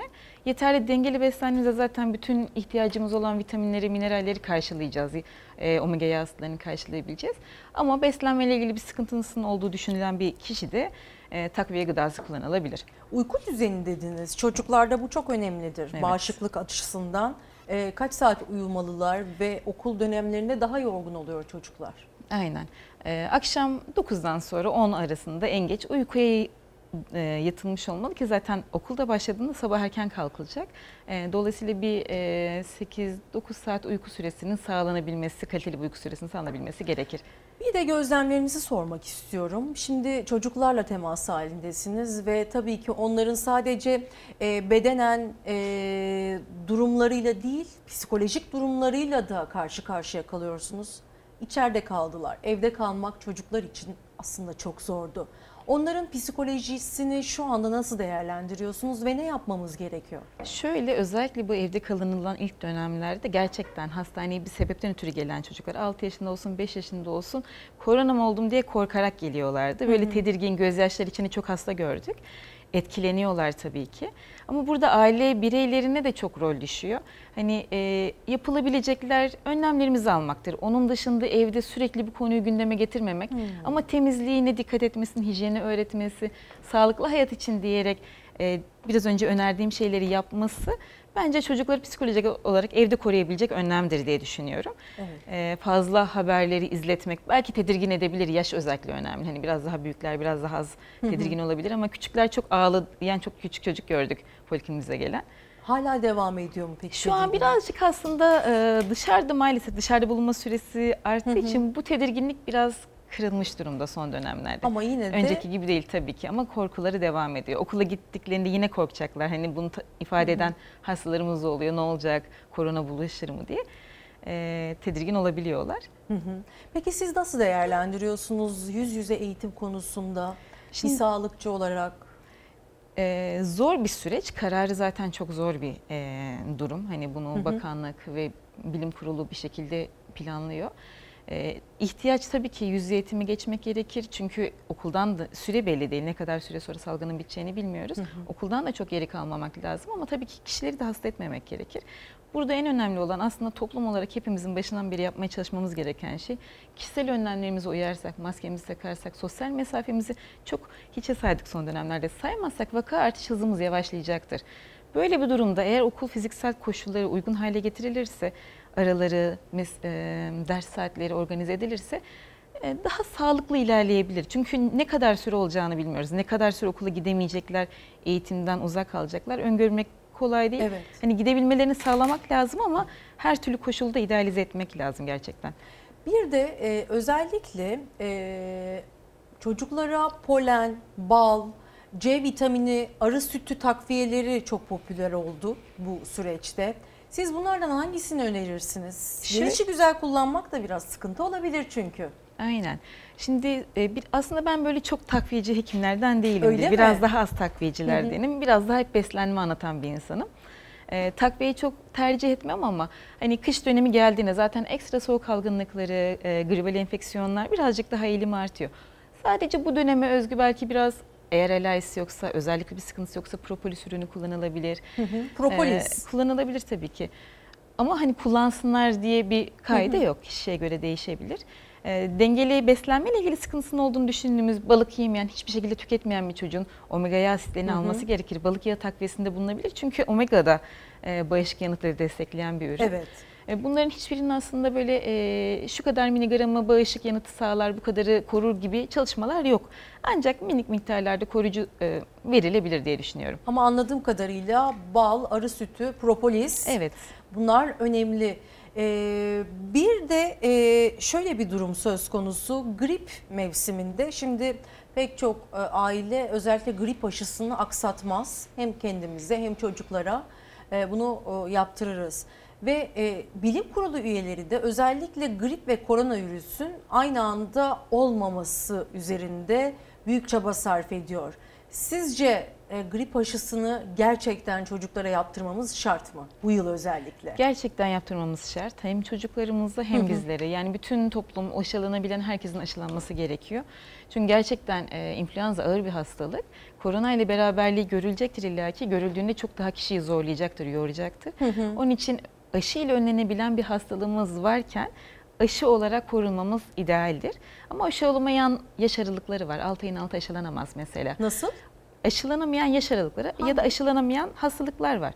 6 ayın altındaki bir çocuğu aşılayamayız. O zaman ne yapacağız? Bu kişiye bakım veren kişilerin hepsi illaki aşılanmalı ki Hmm. onlar influenza olmasınlar. Onu koruyabilelim. Yani 6 ayın e, altındaysa bebeğimiz biz aşı olacağız ve biz Aynen. kendimizi koruyacağız. Çünkü e, emziren annelerde de bulaşma riski var değil mi? Tabii ki. Bir de yakın temas halindeler. Hı hı. Özellikle bir yaşın altındakiler anneyle çok yakın temas halindeler. Dolayısıyla anne hasta olursa çocuğun hasta olması kaçınılamaz bir durum. Korunması gerekir, aşılanması gerekir. Bir de hamilelerde çok büyük bir tedirginlik var haliyle. E, hamile olduğunda koronavirüs eğer kaptıysa bir anne sonrasında çocuğun da koronavirüsle dünyaya gelme riski yaygın mıdır? Şu an saptanmış öyle bir vaka yok. Hı hı. Ee, bizim hastanemizde de yine bir gebelik süresinde çok kötü koronavirüs zor atlatan bir hastamız oldu. Çocuğu da herhangi bir sıkıntı yaşamadan sağlıkla doğdu. Hı hı. Ee, ama tabii ki anne son dönemlerine doğru koronavirüsle ve doğumdan sonra temas ile bulaşırsa hasta olabilir. Ee, ama anne karnından geçiş kanıtlanmış bir durum değil şu an için. Peki çocukların taşıyıcı olması e, özellikle çok uzun süre e, gündemdeydi. Çünkü çocuklarda e, daha hafif atlatılıyor bu virüs ve kurtulma oranı çok yüksek. Ama taşıyıcı olma oranları çocuklarımızda daha fazla. Be- belki hiçbir e, belirti olmadan bile görebiliyoruz biz bunu. Ee, nasıl bunun önüne geçebiliriz? Yani çocuklarımızda eğer taşıyıcı e, durumu söz konusuysa biz bunu sadece testle ortaya çıkarabiliriz. Bunun için istediğimiz zaman test yaptırabilir miyiz? Ee, normalde hastane başvurularında test kriterleri var Hı hı. aslında. Hani herhangi bir sebepten dolayı yapmıyoruz rutinde hasta değilse. Ee, kriterlere uyan hastalarımıza yapıyoruz şu aşamada. Ama bu mesela okulun açıldığı dönemdeki stres kaynaklarından biri aslında. Çünkü bu çocuklar hastalık belirtisi göstermeden okula gidip bir başkasına bulaştırıp e, mikroorganizma yayıp Yine eve gittiklerinde eve bunu koronavirüs taşıma ihtimalleri var. Tabii çok önüne geçil yani e, Hı hı. toplumsal özenini gösterdikten sonra çok yapabilecek bir şey yok burada. Evet. Peki e, şu andaki yoğunluk nedir? En çok yoğunluğu çocuklarımızda e, koronavirüs vakasıyla ne zaman karşılaşmıştınız? Hangi tarih aralığında? İlk başladığı dönemde daha çok karşılaşmıştık. Yani e, Mart'la Mayıs arasında daha çok vaka gördük. Ondan sonra belirgin bir vaka azalışı oldu bizim kliniğimizde en azından. Ama yine e, önlemlere dikkat edilmezse kışın başlamasıyla beraber e, sonbaharda artacaktır diye düşünüyorum. Evet. Son olarak şunu da sormak istiyorum. Dezenfektan ve kolonyalar bizim bile e, cildimize zararlı olabiliyor. Ama çocukların derisi daha hassastır. Ne kullanılmasını önerirsiniz? Şöyle e, aslında suya sabunu hemen ulaşabilir pozisyonda olmak en ideali. Özellikle okulumuz açıldığında da yine bu pozisyonda olabilmek gerekiyor. E, ama yine de e, alkol yüz e, belli bir oranda dereceli alkol kullanmak gerekebilir ihtiyaç dahilinde özellikle suya sabun ulaşılamayacağız ve temas ettiysek bir Hı hı. yere. Ama sürekli de aklımıza geldi sıkalım aklımıza geldi dökelim şeklinde uygulamamak lazım. En önemlisi galiba çocuklarımıza e, ellerini yüzlerine, gözlerine, ağızlarına, burunlarına götürmemeleri tavsiye Aynen bunu öğretmek lazım zaten. Çocuklarımıza bizim tek yapabileceğimiz şey temizlik, hijyen, mesafe kurallarını öğretmemiz olacak. Ellerini bir yere dokunduklarında çünkü temasla çok bulaşıcı dokunduğunda yüzüne götürmemesini, elini yıkamasını öğretmemiz gerekir. Hı hı. E, kalabalık ortamlara sokmamamız gerekir bizim çocuklarımızı. Evet. E, ebeveyn olarak hepimizin çok büyük sorumluluğu var. Bizler kendimizi korumalıyız, hastalığın yayılımını azaltmalıyız. Ki e, en çok çocuk hastalıkları aslında aile içi bulaşlı oluyor. Önce çocuk oluyor sonra aile oluyor olabilir ama Hı hı. en çok saptananlar önce aile bireyi hasta oluyor sonra çocuğa bulaştırıyor. Onun için bizler kendimizi korumalıyız. Onlara sadece sakin, strese sokmadan öğretmemiz lazım temizliği ve hijyeni. Peki çok teşekkür ediyoruz. Ben teşekkür Hilal ederim. Kızıldağ çocuk sağlığı e, uzmanı bizimle birlikteydi. Tecrübelerini paylaştı. Yine bekleriz hocam. Teşekkürler. Görüşmek teşekkür üzere. Hocam demek de biraz e, garip geliyor. O kadar gençsiniz ki ama tecrübeniz oldukça bilinen bir durum. Teşekkürler. Görüşürüz. Görüşürüz. Şimdi efendim Zonguldak'a gidiyoruz. Zonguldak'ta 8 kişi kıyıdan ulaşımın olmadığı ıssız bir koyda mahsur kaldı. Arama kurtarma ekipleri bastıran karanlık nedeniyle çalışmaları durdurdu ama mahsur kalanlara yiyecek ve kıyafet ulaştırdı. Onları kurtarmaya giden iki kişinin botları da zarar görünce mahsur kalanların sayısı ona çıktı. Bir baktık bir ara e, gözümüzün önünde oynarlarken e, bayağı bir biz oynuyor zannettiler zannettik ama e, bayağı bir açığa gitmişler. Her şey bir anda oldu. Sürüklenen bottaki iki çocukla onları kurtarmaya giden 6 kişi ulaşımı sadece denizden sağlanan koyda mahsur kaldı. Zonguldak Kilimli'ye bağlı Göbü köyünde denize girdi iki çocuk. Sürüklenmeye başladılar. Çocukları gören 6 kişi suya atladı. Dalgaların çocukları kayaya vurmaması için açığa götürdüler. Karaya varmayı başaramayınca da ulaşımı sadece denizden sağlanan küçük bir koya sığındılar. Benim hanımımla baldızımı bir şekilde oradan çıkarttık. 3-5 kişi 6-7 kişi oradaki insanlar sağ olsunlar.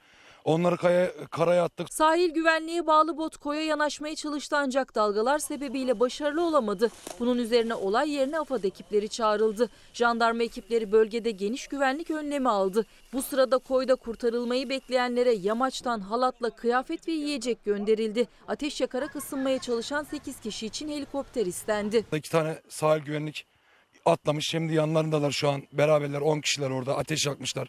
Yiyecekleri var. Üstleri başlarına e, ısıtıcı falan şeyler atıldı. İki sahil güvenlik görevlisi güç de olsa yanlarına ulaştı. Gazetecilerin dronlarıyla aileler çocuklarıyla ve yakınlarıyla konuştu. Havanın kararması ve dalgalar nedeniyle çalışmalara ara verildi.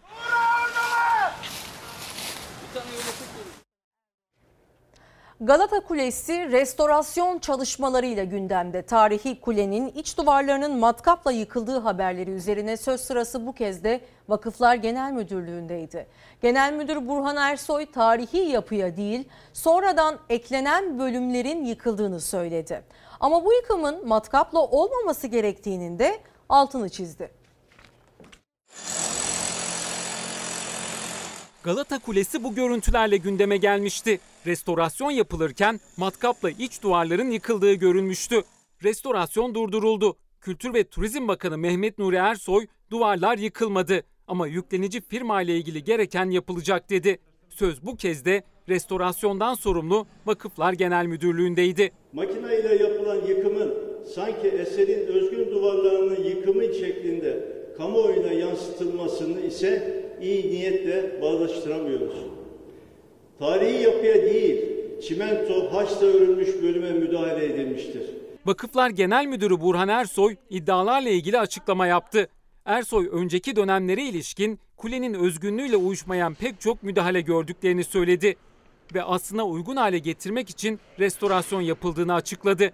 Ancak yönteme ilişkin onların da rahatsızlıkları vardı. Burhan Ersoy matkap kullanımına ilişkin yaptırım açıklamasında bulundu.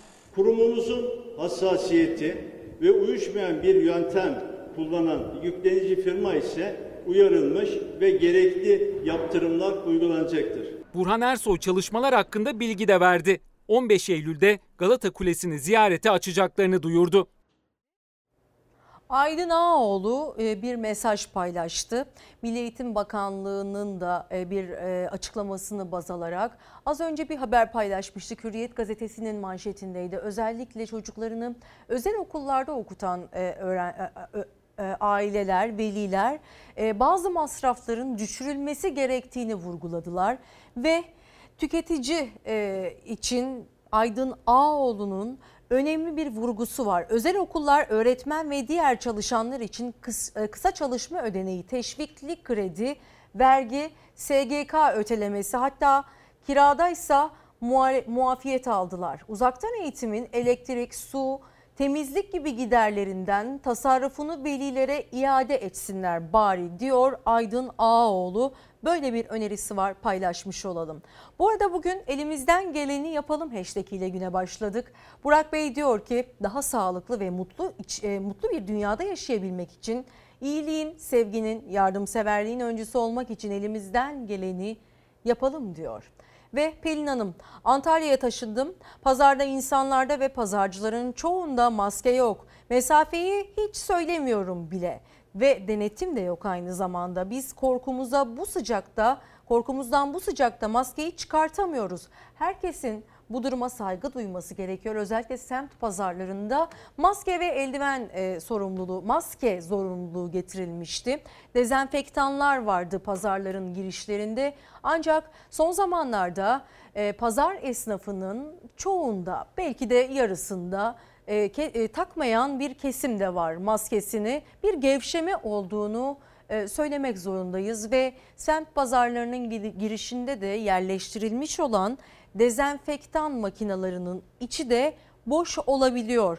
Bunu da özellikle Türkiye'deki tüm belediyelerimize e, söylemek istiyorum. Lütfen eğer e, oralara dezenfekte makinesi koyduysanız ki koyulması şart. Valiliklere de aynı zamanda bir duyuruda bulunalım. O makinelerin içi boş olduğunda e, orada durmalarının hiçbir anlamı yok. İçinde muhakkak ki dezenfektanların sürekli olarak tazelenmesi gerekiyor. Bu da e, özellikle hem pazarcı esnafının hem de vatandaşların bir uyarısıydı paylaşmış olalım. Ve Covid ile alakalı, alakalı e, hastaneler çok ciddiyetsiz diyen Necmettin Bey var. Kendi başına gelen bir olayı aktarıyor. Diyor ki yüksek ateş, kuru öksürük şikayetiyle gittiğim hastanede boğaz enfeksiyonu diyerek gönderildim. Sonrasında ısrarla korona Covid-19 testi istedim. Zoraki şekilde yapıldı ve sonuç pozitif çıktı.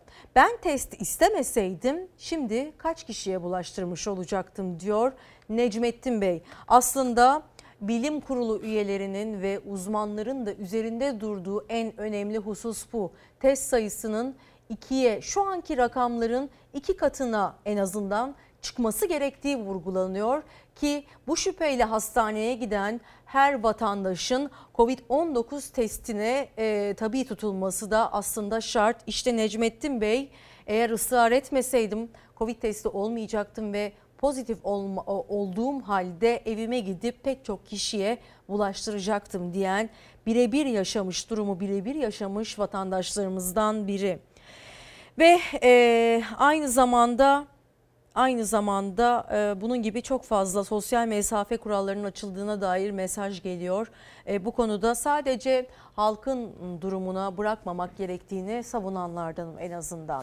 Şimdi adalet arayan bir anneyle buluşacağız.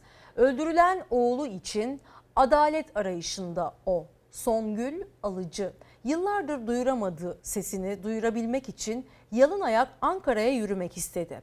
İkinci günün sonunda sesi, sesini duyan bir avukat sayesinde umutlandı ama gözyaşları dinmiyor. Hadi kurban olsun 10 yıl oldu. Ben bu yürüyüşümü yıllar önce söylemiştim. Yürüyeceğim Ankara'ya çünkü bu cümleyi söylemiştim. Yine diyorum eğer adalet yerini bulmazsa tekrar yürüyeceğim. Ama bu sefer hiç kimse beni çeviremez. Bundan tam 10 yıl önce gözlerinin önünde öldürülen evladı için, adalet için çare yürümekte buldu. İstanbul'dan Ankara'ya çıplak ayakla yürümeye başladı. Zenginin o siyasi otobandan gider. Fakirinkisi çakılı yollarda takılır anca gider. Daha yetişmedi yargıta. Çıplak ayakla yürüdüm. Hep dikenler var. Geceden beri sudalar, ağrılarım var. Otoban çok sıcaktı bu arada. Yani insanları topup da böyle alkış yapmak istemedim. Ben bir annesem dedim. Mücadelemi yalnız vereceğim. Aykut çünkü so- hastaneye yalnız gitti. Çıplak ayakla gitti. Anne de çıplak ayakla yalnız başına düştü Ankara yollarına. Aykut Alıcı İstanbul İkitelli'de 14 Ağustos 2010 tarihinde saçı uzun gözlerinde lens var diye mahalleden 9 kişinin bıçaklı saldırısına uğradı. Hayatını kaybetti. Suçlulardan sadece biri ceza aldı. Diğer 8 kişi ise dışarıda. Ben adalete muhtaç bir anneyim. Çünkü yüreğim yanıyor. Ama adaletin kalemi Aykut Alıcı'nın dosyasında kırıldı. Anne Songül Alıcı yıllardır sesini duyurmaya çalışıyor. Adalet arıyor. Acısı belki de biraz olsun hafifleyecek. Ben 10 yıldır Sayın Cumhurbaşkanım başbakanken bağırdım. Bana bir saat randevu ver dedim. Hiç mi duymadı? Bu kez de yürüyerek duyurmaya çalıştı sesini. Evlerinden İstanbul iki telliden yola çıktı ama hastaydı ve iki günlük yürüyüşte ayakları parçalanmıştı. Ben o katilleri gördüğüm günü göstereceğim şimdi. Üç tane tansiyon ilacım var. Ko hastasıyım. Gelin eve tansiyonum çıkıyor, fenalaşıyorum hiç. Babasına demiyorum ki onları gördüm. Ambulans geliyor beni götürüyor hastaneye. Yoruldum artık. Kendisini arayan avukatın ricasını kabul etti Songül Alıcı. Vekalet verecek ve davanın takipçisi olacak. Ama adaletin ne pahasına olursa olsun bulmakta kararlı. Aykut'un adliyesine çıplak ayakla gideceğim. Oğlumun nerede neyi varsa onlara çıplak ayakla gideceğim. Bu dava bitmezse, katiller ceza almazsa ben tekrar yürürüm. Bu sefer ölümümün pahasına yürürüm. Adaletin yerini bulması için her konuda tecelli etmesi için halk olarak elimizden geleni yapalım diyen bir izleyicimiz var. Ve Sinan Bey de diyor ki sağlık sorunu olan ya da olmayan şeklinde ayrım yapılmadan herkese uygulanması gerekiyor bana kalırsa Covid-19 testinin virüs taşıyıcısı olup olmadığımızdan emin olmak için elimizden geleni yapalım diyor. Erkan Güneş önemli bir konuya dikkat çekiyor. Elimizden geleni yapalım hashtag ile. Adalet Bakanlığı cezaevlerinde Covid-19 kaynaklı kaç ölüm ve vaka olduğunu ne zaman açıklayacak? 17 Haziran tarihinden itibaren bilgilendirme yapılmadı. Süreç neden şeffaf değil? Ölümler, vakalar gizleniyor gibi düşünüyorum diyenlerden biri ki bu konuda özellikle ziyaretçiler, e, adliye çalışanları, e, cezaevi çalışanları, hukukçular çok e, sıkıntılı bir süreçten geçiyor. Bilmeden e, o kapalı alanda virüs yayılabilir ve bu vakalarında sayısının da açıklanması gerektiğini vurguluyor Erkan Güneş. Şimdi efendim Ayla Dikmen'in sesine kulak veriyoruz. İlk ve son aşkım sen olacaksın diyor Ayla Dikmen. Uzaktan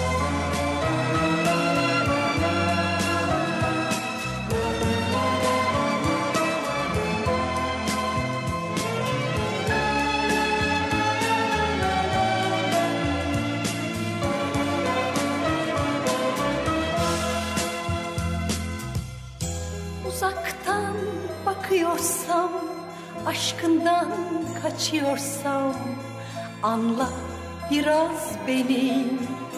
Benden önce birisi görmüş sevmişse seni Hakkın yok sevme beni Uzaktan bakıyorsam Aşkından kaçıyorsam Anla biraz beni Benden önce birisi Görmüş sevmişse seni. Hakkın yok sevme beni. Hakkın yok sevmeye beni. Varsın bu aşk böyle yarım kalsın. Sen içimde yaşayacaksın. Bu dünyaya bir daha gelirsen ilk ve son aşkım sen olacaksın. Bu dünyaya bir daha gelirsen ilk ve son aşkım sen olacaksın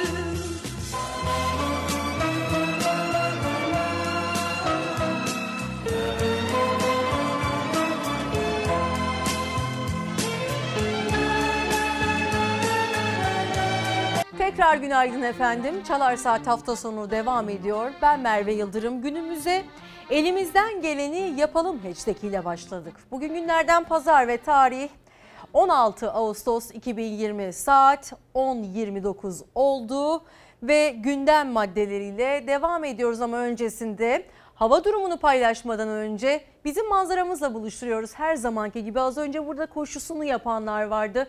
Spor hayatımızda muhakkak yeri olması gereken bir eylem. En azından e, kapalı kaldığımız bu sürecin ardından uzun yürüyüşlerle yeniden bağışıklığınızı güçlendirmek adına adımlar atabilirsiniz ki akıllı telefonlarda aslında bir uygulama var. Günlük kaç adım attığınızı takip edebiliyorsunuz mutlaka öneririm.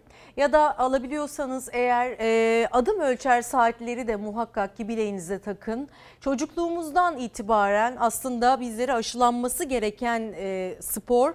Eğer size aşılanmadıysa çocuklarımıza aşılayalım bunu ve açık havada sporun değerini de muhakkak ki gözden geçirelim. Şimdi geçtiğimiz hafta Rize'de e, sel felaketiyle karşı karşıya kalmıştık. Trabzon'un Of e, bölgesinde e, yine sel baskınları, su baskınlarıyla, heyelanlarla karşı karşıya kaldık.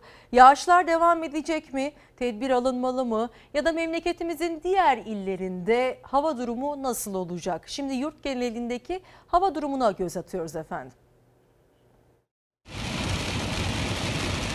9 il için sağanak yağış uyarısı geldi Meteoroloji Genel Müdürlüğü'nden. Çoğunlukla önceki gün sel felaketinde bir kişinin hayatını kaybettiği Karadeniz bölgesi için. Ordu ve Giresun'un iç kesimleri, Rize, Artvin, Kars, Ardahan, Ağrı, Iğdır çevreleri ve Van dikkatli olmalı, önlemlerini almalı.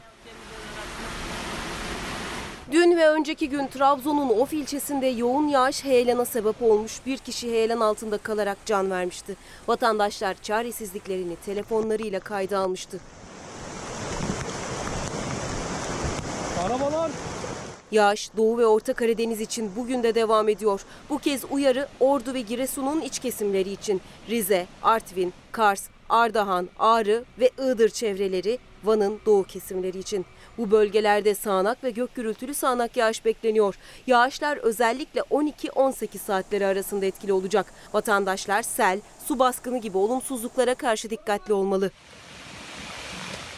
Yurdun geri kalanında hafta az bulutlu ve açık bir gökyüzüyle bitiyor. Hava sıcaklıklarında önemli bir değişiklik olmayacak. Kuzey, iç ve doğu kesimlerde mevsim normallerinin biraz altına inebilir. Denizlerimizde ise genellikle hafif, ara sıra orta kuvvetli esecek rüzgar bekleniyor. Ve koronavirüs tablosuna bir kez daha göz atıyoruz. Dün Fahrettin Koca atmış olduğu tweetle son 45 günün en e, çok vaka sayısının arttığı e, gün olduğunu paylaştı. Son tablomuza bakmadan bakabiliyor muyuz Savaş? Geliyor. Bu arada e, lütfen önlemlere uyalım ve e, bizim üzerimize düşen görevleri harfiyen yerine getirelim. Tabii ki yetersiz kaldığımızı söyleyebiliriz. Ama en azından kendimiz için yapmadık demeyelim. Koronavirüs tabloları iki gün üst üste açıklanan tabloları kıyaslamak gerekirse 14 Ağustos 2020 ve 15 Ağustos 2020. 14 Ağustos'ta 70.192 iken test sayısı 15 Ağustos'ta bir tık düştü. 67.214 e, test yapıldı. Ve hasta sayısı 1226 iken 14 Ağustos'ta 15 Ağustos'ta 1256 oldu ki bu son zamanların en yüksek oranıydı. Vefat sayısı 22 idi vefat eden vatandaşlarımızın sayısı ve sonrasında 21 kişiyi de kaybettik. İyileşen sayısı 923'tü ve 992 idi son rakamlara göre ama iyileşen sayısı hasta sayısının e, şu an için ne yazık ki üzerinde ve bu rakamlar çok endişe verici. Fahrettin Altun, e, özür diliyorum Fahrettin Koca da e, dün açıklama yapmıştı Twitter'dan. O tweetini de hemen paylaşsaydık. Ama onun öncesinde gazetemize de bakabiliriz. Karar gazetesinden koronavirüs e, haberlerine istinaden e, önemli e, bilim kurulu üyelerimizden Profesör Doktor Mehmet Ceyhan'ın virüsü kısaca e, enfeksiyon hasta özür diliyorum enfeksiyon hastalıkları derneği başkanı Profesör Doktor Mehmet Ceyhan'ın e, virüsle ilgili e, önemli uyarıları var. Vakaların 12 gündür binin üzerinde seyretmesi mevcut gidişatla tablonun iyileşmeyeceği kanısını güçlendirdi. Kademeli mesaiye geçelim önerileri. Düğünleri sınırlayalım. Şehirler arası seyahatte kontrolü artıralım. Şüphe e, süper bulaştırıcıları tarayalım. 65 yaşa yaşa izole yürüyüş alanı ayıralım. Maske takmayanlar grubu grubunu eğitip uyaralım diyor e, Profesör Doktor Mehmet Ceyhan. Ve grip mevsimi kapıdayken vakaların halen yüksek seyretmesi bu sarmal nasıl kırılacak sorusunu en kritik başlık haline getirdi. Aynı zamanda enfeksiyon hastalıkları uzmanı Profesör Doktor Mehmet Ceyhan ise Çözüme ilişkin dikkat çeken önerilerde bulundu. İşte bu önerilerde 28 gün sokak yasağı uygulamalıydık dedi Ceyhan ve toplu taşımadaki yoğunluğun azaltılması için kademeli mesai uygulanmasını, taziye ve düğünlerde sayı sınırı konmasını istedi. İşte bulaş riski yüksek olan sağlıkçı, garson, hostes gibi gruplara da düzenli olarak test yapılmasını öneriyor. 65 yaş üzerinin izole olabileceği yürüyüş alanları ayarlanmalı dedi. Muhtarlar, öğretmenler maske takmayanları uyarıp eğitmeli dedi ki mahalle kontrolü geleceği e, söylenmişti İçişleri Bakanlığı tarafından ve 21 Eylül'de yine tartışacağız pandemiyi çünkü problemi erteledik ve yüz yüze eğitim için 500'den az vaka gibi kriterler belirlenmeli diye konuştu. İşte Mehmet Ceyhan Profesör Doktor ve Fahrettin e, Koca'nın da tweetini paylaşalım şimdi hemen. Sonrasında haberimizin detaylarında da zaten koronavirüs tablosunu net bir şekilde göreceksiniz. Son 45 günün en yüksek pozitif tanı yeni hasta sayısına ulaştık. Kritik göstergemiz olan ağır hasta sayısı genellikle risk grubunda olup hastalığa yakalananlarla artıyor ve yeni hasta sayısını, ağır hasta sayısını, can kayıplarını birlikte azaltalım dedi. Tabii ki sadece bizim emeklerimizle olmuyor. Sadece maske takarak, ellerimizi, yüzümüzü dezenfekte ederek bir yere varamıyoruz diyor Mehmet Ceyhan. Haberde zaten başka açıklamaları da var. Önerilerine kulak verilmesi gerektiğini düşünenlerden biriyim. Sadece bizim aldığımız tedbirler yetersiz kaldı çünkü. Sonbaharda e, vakaların artışını önlemek için e, mutlaka ek tedbirler alınması gerekir. Çünkü e, hiçbir tedbir almadan sadece halka mesafe ve maske önererek geldiğimiz nokta budur. Sadece öneriyle bu kadar oldu. Bir yanda önlemlerin sıfıra indiği eğlenceler, diğer yanda karantinaya alınan mahalleler. Ankara'da 86 yaşındaki hastayı ziyaret eden 25 kişiyle beraber tüm mahalle karantinaya alındı. İstanbul'da ise tekne ve yatlar eğlence mekanına çevrildi. Sosyal mesafe ve maske kuralları hiçe sayıldı düğünlerde.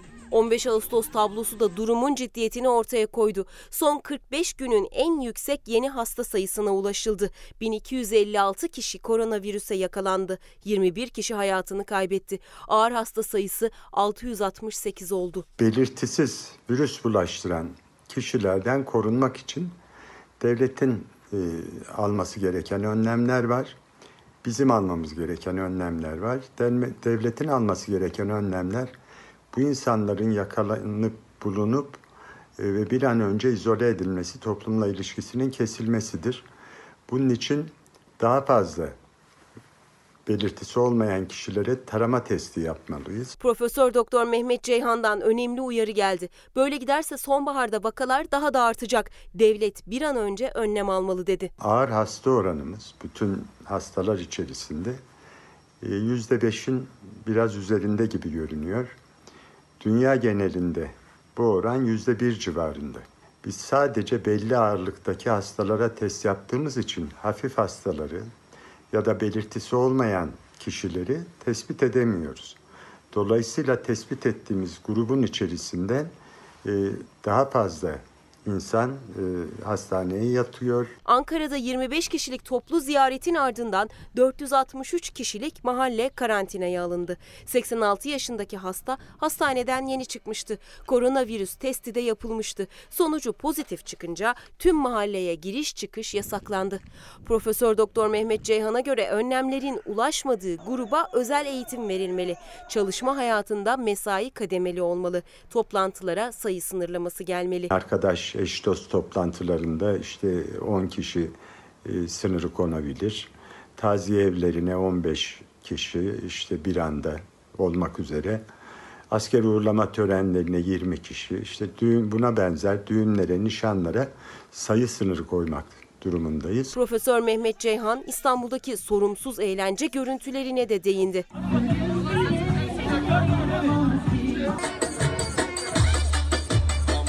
Süper bulaştırıcı dediğimiz insanlar vardır. Bunlar virüsü 2-3 e, kişiye değil birdenbire 50 kişiye 100 kişiye bulaştırabiliyorlar. Bu insanlar virüsü çok uzağa atabilirler. Diyafram yapıları nedeniyle. Bursa'da bir düğüne 500 kişi katıldı. Koronavirüs tehlikesini unutan davetliler kol kola halay çekti. Gece gündüz seni, Diyarbakır ve Konya'da da durum Bursa'dan farklı değildi. Söz konusu eğlence olunca ne sosyal mesafe kaldı ne de virüsün bulaşma riski. Unutulan önlemler can almaya devam ediyor. Şanlıurfa Viranşehir'de özel bir tıp merkezinde acil tıp hekimi olarak çalışan 46 yaşındaki Doktor Abdurrahman Demir koronavirüs nedeniyle tedavi görüyordu. Durumu ağırlaşan doktor hayatını kaybetti. Önlemlerin artırılması, en önemlisi test kriterlerinin değişmesi gerekiyor Profesör Ceyhan'a göre sağlıkçılar, garsonlar ve hizmetliler taranmalı. Çünkü yapılan testler belirtisiz koronavirüsleri tespit etmekte yetersiz. Test politikası belirlenmeli. Şoförler, e, gişe ve danışma memurları gibi bir, e, bir günde çok fazla insanla yüz yüze temas kuranlar, e, garsonlar e, ve e, uçaklardaki kabin memurları gibi hizmet sektöründe çalışanlar e, bunlar sık sık taranarak bunların içerisinde virüs taşıyanlar varsa e, bulunup izole edilmesi toplumda virüs yükünün azaltılması açısından çok yararlı olacaktır. Bu arada bilim kurulu üyeleri hepsi aynı çatı altında mı diye çok fazla soru geliyor siz izleyicilerimizden. Şöyle ki bilim kurulu üyeleri belli üniversitelerden, belli e, sağlık kurumlarından aslında e, görüşlerini bir araya getirerek bilim kurulu üyelerini oluşturuyor. Yani çok değerli hocalarımız kendi tecrübeleri, gözlemleri ve önerileriyle toplantılarda bir araya geliyorlar ve açıklamalarda böyle ortaya çıkıyor. Bunu merak eden izleyicilerimiz vardı. Kısa da olsa merakınızı gidermiş olalım. Bir Gün gazetesinin manşeti günün en dikkat çekici manşeti aslında. Hemen sizle paylaşmış olalım. Bütün kıyılar tek bir şirketin. Halk isyan ediyor milletvekilleri meclisi soru yağmuruna tutuyor ama Edirne'den Muğla'ya oradan Antalya'ya tüm sahil bandı Muçev'e verilmeye devam ediyor. 6 yıl önce faaliyete geçen Muçev adlı şirket bakanlık ve Muğla valiliğine bağlı vakıflar ortaklığında kuruldu. Yöneticileri arasında Kamu görevlileri, bakanlık çalışanları ve Cumhurbaşkanı danışmanı da var. Şirket Edirne, Muğla ve Antalya'da sahildeki sayısız plajın işletmecisi durumunda. Bazı koylarda şirket kontrolünde. Halk ve muhalefet bu duruma isyan etse de sonuç değişmiyor.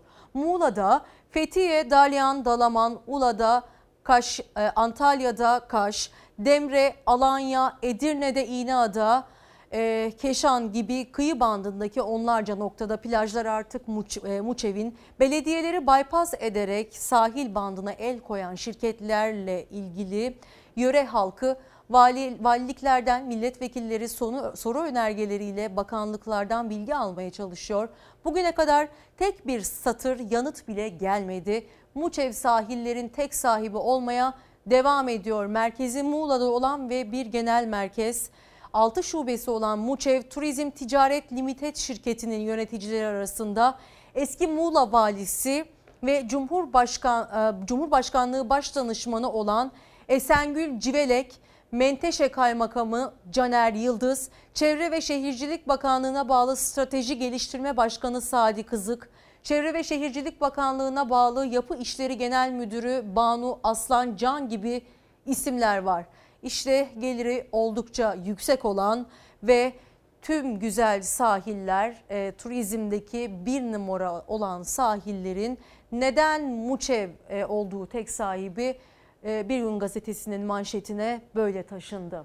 Durum böyleyken vatandaşa ceza kesilmeye devam ediyor aslında. Konya'da yaşayan Ali İhsan Çakıcı cep telefonu cep telefonuna gelen ceza mesajlarıyla şok oldu. Çünkü cezalar hiç geçmedi Yavuz Sultan Selim Köprüsü'nde kesilmişti. Hem de tam 9 kez.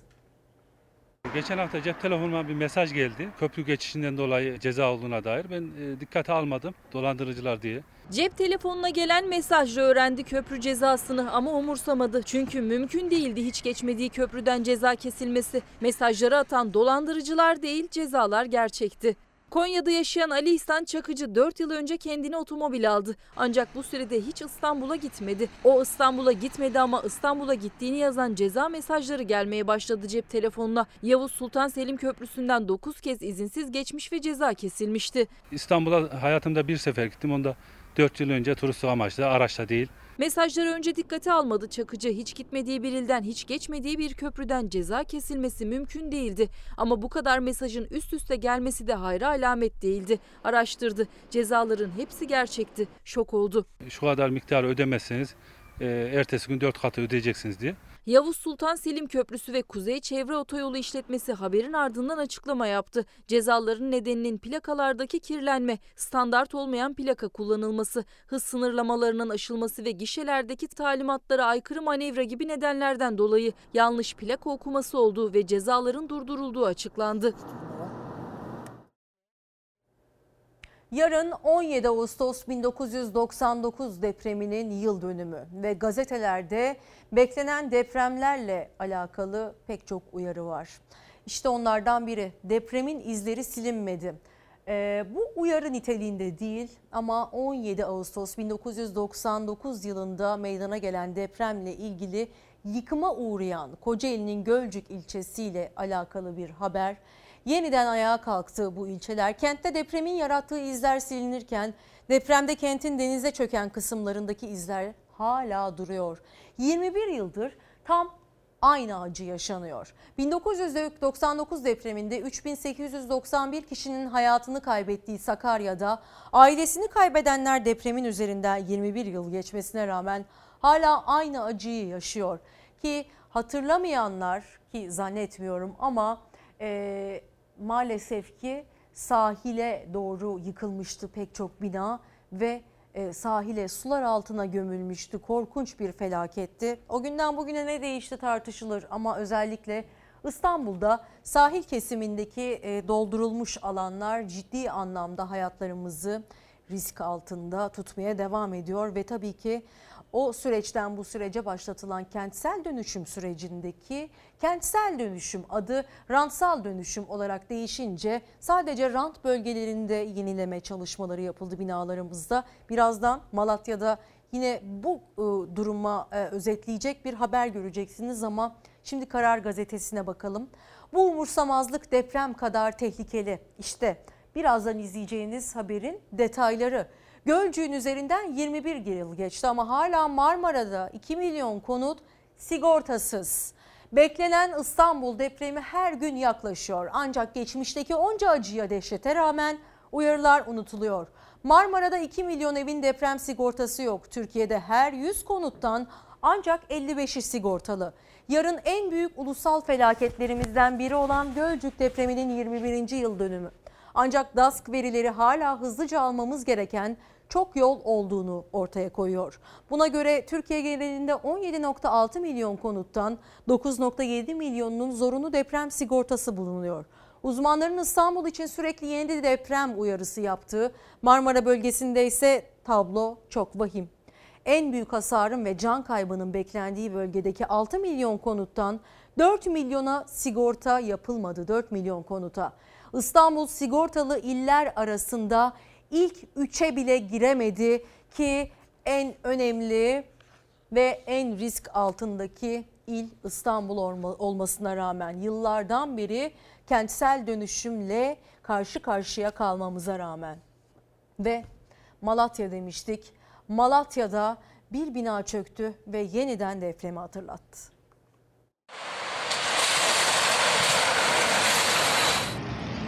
Sivrice depreminde zarar görmüştü. Ağır hasarlı bina yıkımı sırasında çöktü. Malatya Battal Gazi'ye bağlı Çöşnük mahallesindeki 6 katlı bina Elazığ'daki Sivrice merkezli 6,8 büyüklüğündeki depremde ağır hasar gördü. Depremin üzerinden 7 ay geçtikten sonra binanın yıkımına başlandı. Çevresindeki binalar tedbir amaçlı boşaltıldı. Güvenlik önlemi alındı. Ekipler yıkım çalışmalarına başladı. Çalışma başlayalı çok olmamıştı. Birden büyük bir gürültüyle yerle bir oldu altı katlı bina. Etrafı toz bulutu kapladı. Neyse ki binanın çevresi boştu. Kimseye bir şey olmadı. Yıkımın ardından bitişiğindeki binada büyük hasar oluştu. 4 Ağustos günü Lübnan'ın başkenti Beyrut'ta gerçekleşen patlamanın enkaz kaldırma çalışmaları devam ediyor. Enkaz kaldırıldıkça da ölü sayısı artıyor.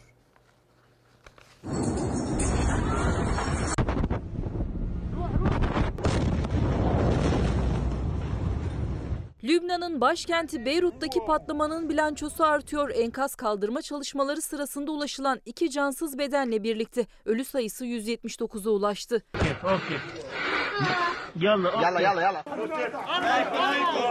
4 Ağustos günü Beyrut limanında havai fişek dolu bir depoda gerçekleşen patlama sadece şehrin büyük bölümünü yok etmekle kalmadı. Ülke ekonomisini de uçurumun kıyısına getirdi. Askeri karargahlarında bulunduğu alandaki patlama öyle kuvvetliydi ki kilometrelerce ötedeki şehirlerden bile duyuldu. Şehri bir harabeye çeviren patlamanın ardından enkaz kaldırma çalışmaları hala devam ediyor. Son olarak bulunan iki cansız bedenle birlikte ölü sayısı 179'a çıktı. Hala onlarca kayıp var. 6000'den fazla fazla kişinin de yaralandığı bildirilmişti. Binlerce iş yeri de yok oldu. Allahu Akbar. Bölgede askeri karargahlarında bulunması sonucu 8 asker de ölmüş, 300 asker yaralanmıştı. Facianın ardından pek çok ülkeden yardım kampanyaları düzenlendi. Ancak ülke bu olayın etkisini uzun yıllar silemeyecek gibi görünüyor. Güneş gazetesinde çok ilginç bir detay var. İşte yaşayacak, alacak nefesiniz varsa yaşarsınız ama yoksa yaşamazsınız gibi bir durum söz konusu aslında. Tabii ki ucuz ölümler ülkesi olmaktan kurtaramıyor bu gerçek bizi. Her neyse haberi sizlerle paylaşalım. Denizin ortasında 3 gün el sallayarak yardım istedi. Şöyle ki Marmara Denizi ortasında filmleri aratmayan bir kurtarma operasyonu gerçekleştirildi. Üç gün önce motorsuz teknesiyle balık tutmak için denize açılan kişi akıntıya kapıldı. Telefon kullanmadığı için yardım isteyemedi. Üç gün aç susuz bekleyen balıkçıyı şans eseri İdo feribotunun kaptanı gördü. Bandırmadan Yeni Kapı'ya gitmekte olan İdo feribotunun kaptanı denizin ortasında bir teknede el sallayarak yardım isteyen balıkçıyı fark etti ve feribot tekneye yaklaşarak yardım isteyen kişiyi kurtardı. Bitkin haldeki balıkçı Yeni Kapı iskelesine getirildi. Buradan da ambulansla hastaneye götürüldü. İşte kurtarma anı. Motorsuz teknesiyle Marmara Denizi'ne açılmıştı balıkçı ve akıntıya kapıldı. Telefon kullanmadığı için yardım isteyemedi. 3 gün boyunca aç susuz teknede mahsur kaldı. Bandırmadan Yeni Kapı'ya giden İdo feribotunun kaptanı fark edip kurtardı onu. İşte filmlere konu olacak bir olay. Bunu da paylaşmış olalım. Güneş gazetesinin manşetindeydi efendim. Şimdi bir patlama anına tanık olacağız. Dünyanın e, e, dükkanındaki gaz kaçağındaki gaz kaçağının farkında olmayan lokanta sahibi çakmağa yakınca korkunç bir patlama yaşandı ve o anları da güvenlik kameraları kaydetti.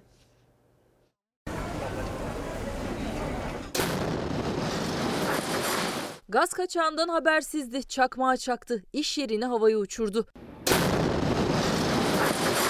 Ben arkamdan bir, bir şey düştü zannettim. Balkon veya ne bileyim bir bina çöktü zannettim. Artvin'de yaşandı korkunç olay. Özer Karacam sahibi olduğu lokantayı açtı. İçeri girdi. Aradan henüz birkaç dakika geçmişti ki büyük bir patlama sesi duyuldu.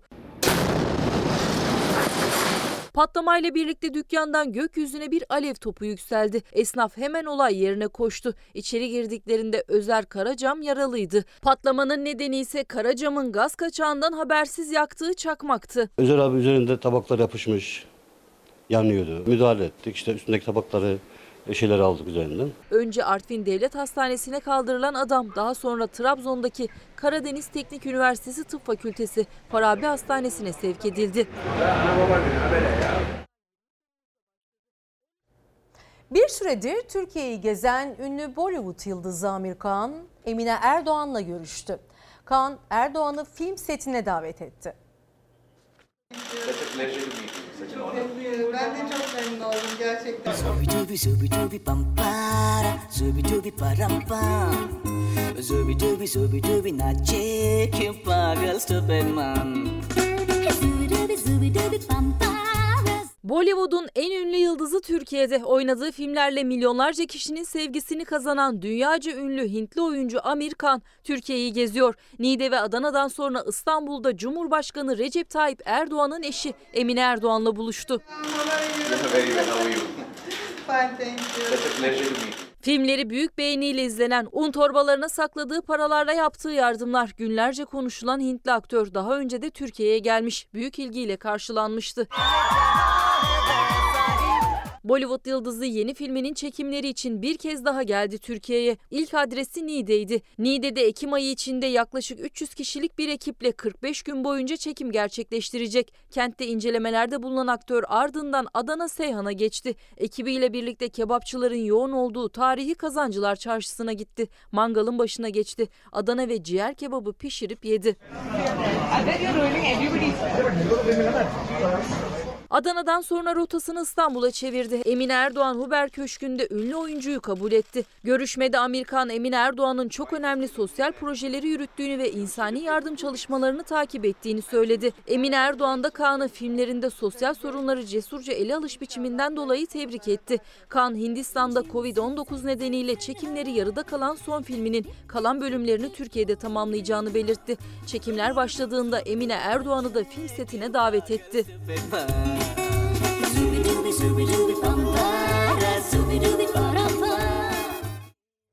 Bu arada Amir Kağan'ın e, örnek olacak bir yardım hikayesini de paylaşmıştık birkaç ay önce.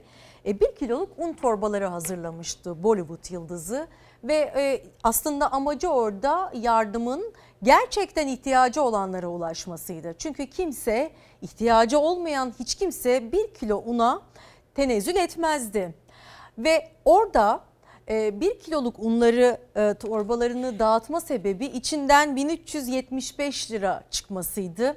İşte böyle dünyaya örnek olacak bir e, yardım kampanyası yapmıştı kendi halinde ve sonrasında da bunun reklam olmaması için o yardımı yapan ben değildim açıklamasını yapmıştı ve bu sözleri de onun Robin Hood kendini gizlemek istiyor yorumlarına sebep olmuştu. Böyle güzel bir hikayeydi yani e, yardım ederken de aslında reklam yaptığınızda da e, tabii ki ulaşır. Yapmamayı tercih edenler de olabilir ama e, bir söz vardır. Alan el, e, veren eli görmemeli derler kültürümüzde. Tabii ki her şekilde ne olursa olsun yardımlaşma gösterilse de gösterilmese de bana kalırsa çok değerli. Şimdi efendim bir müzik arası veriyoruz. Boran e, Ay- Bora Ayanoğlu diyor ki güller ve dudaklar. Gülünce dudakların bir gonca güle benzerdi. Ben dudaklarını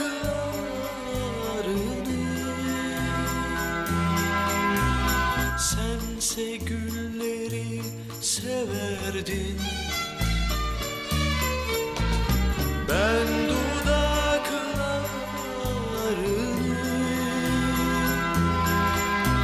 Sense gülleri severdin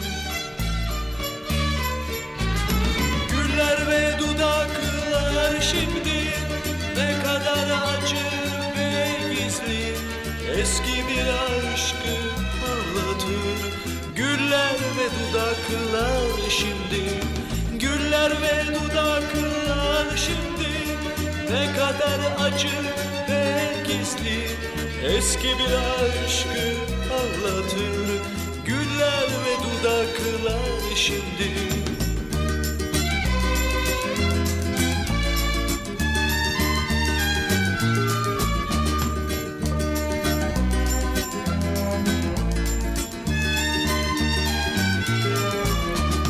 Döküldü yaprakları.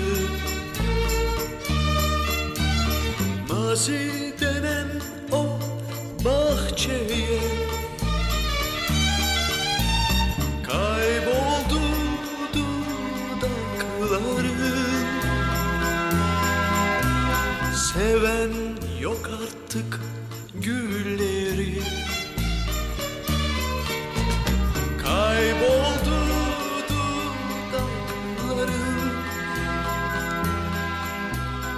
Seven yok artık gülleri.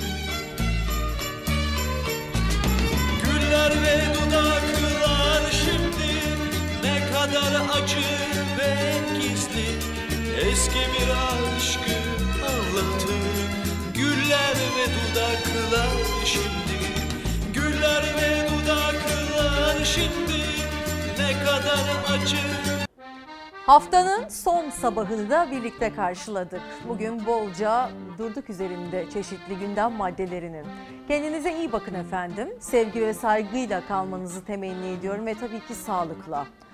Ve lütfen kurallara uymayı ihmal etmeyelim. Haftaya görüşmek üzere. Sevgiler ve saygılar.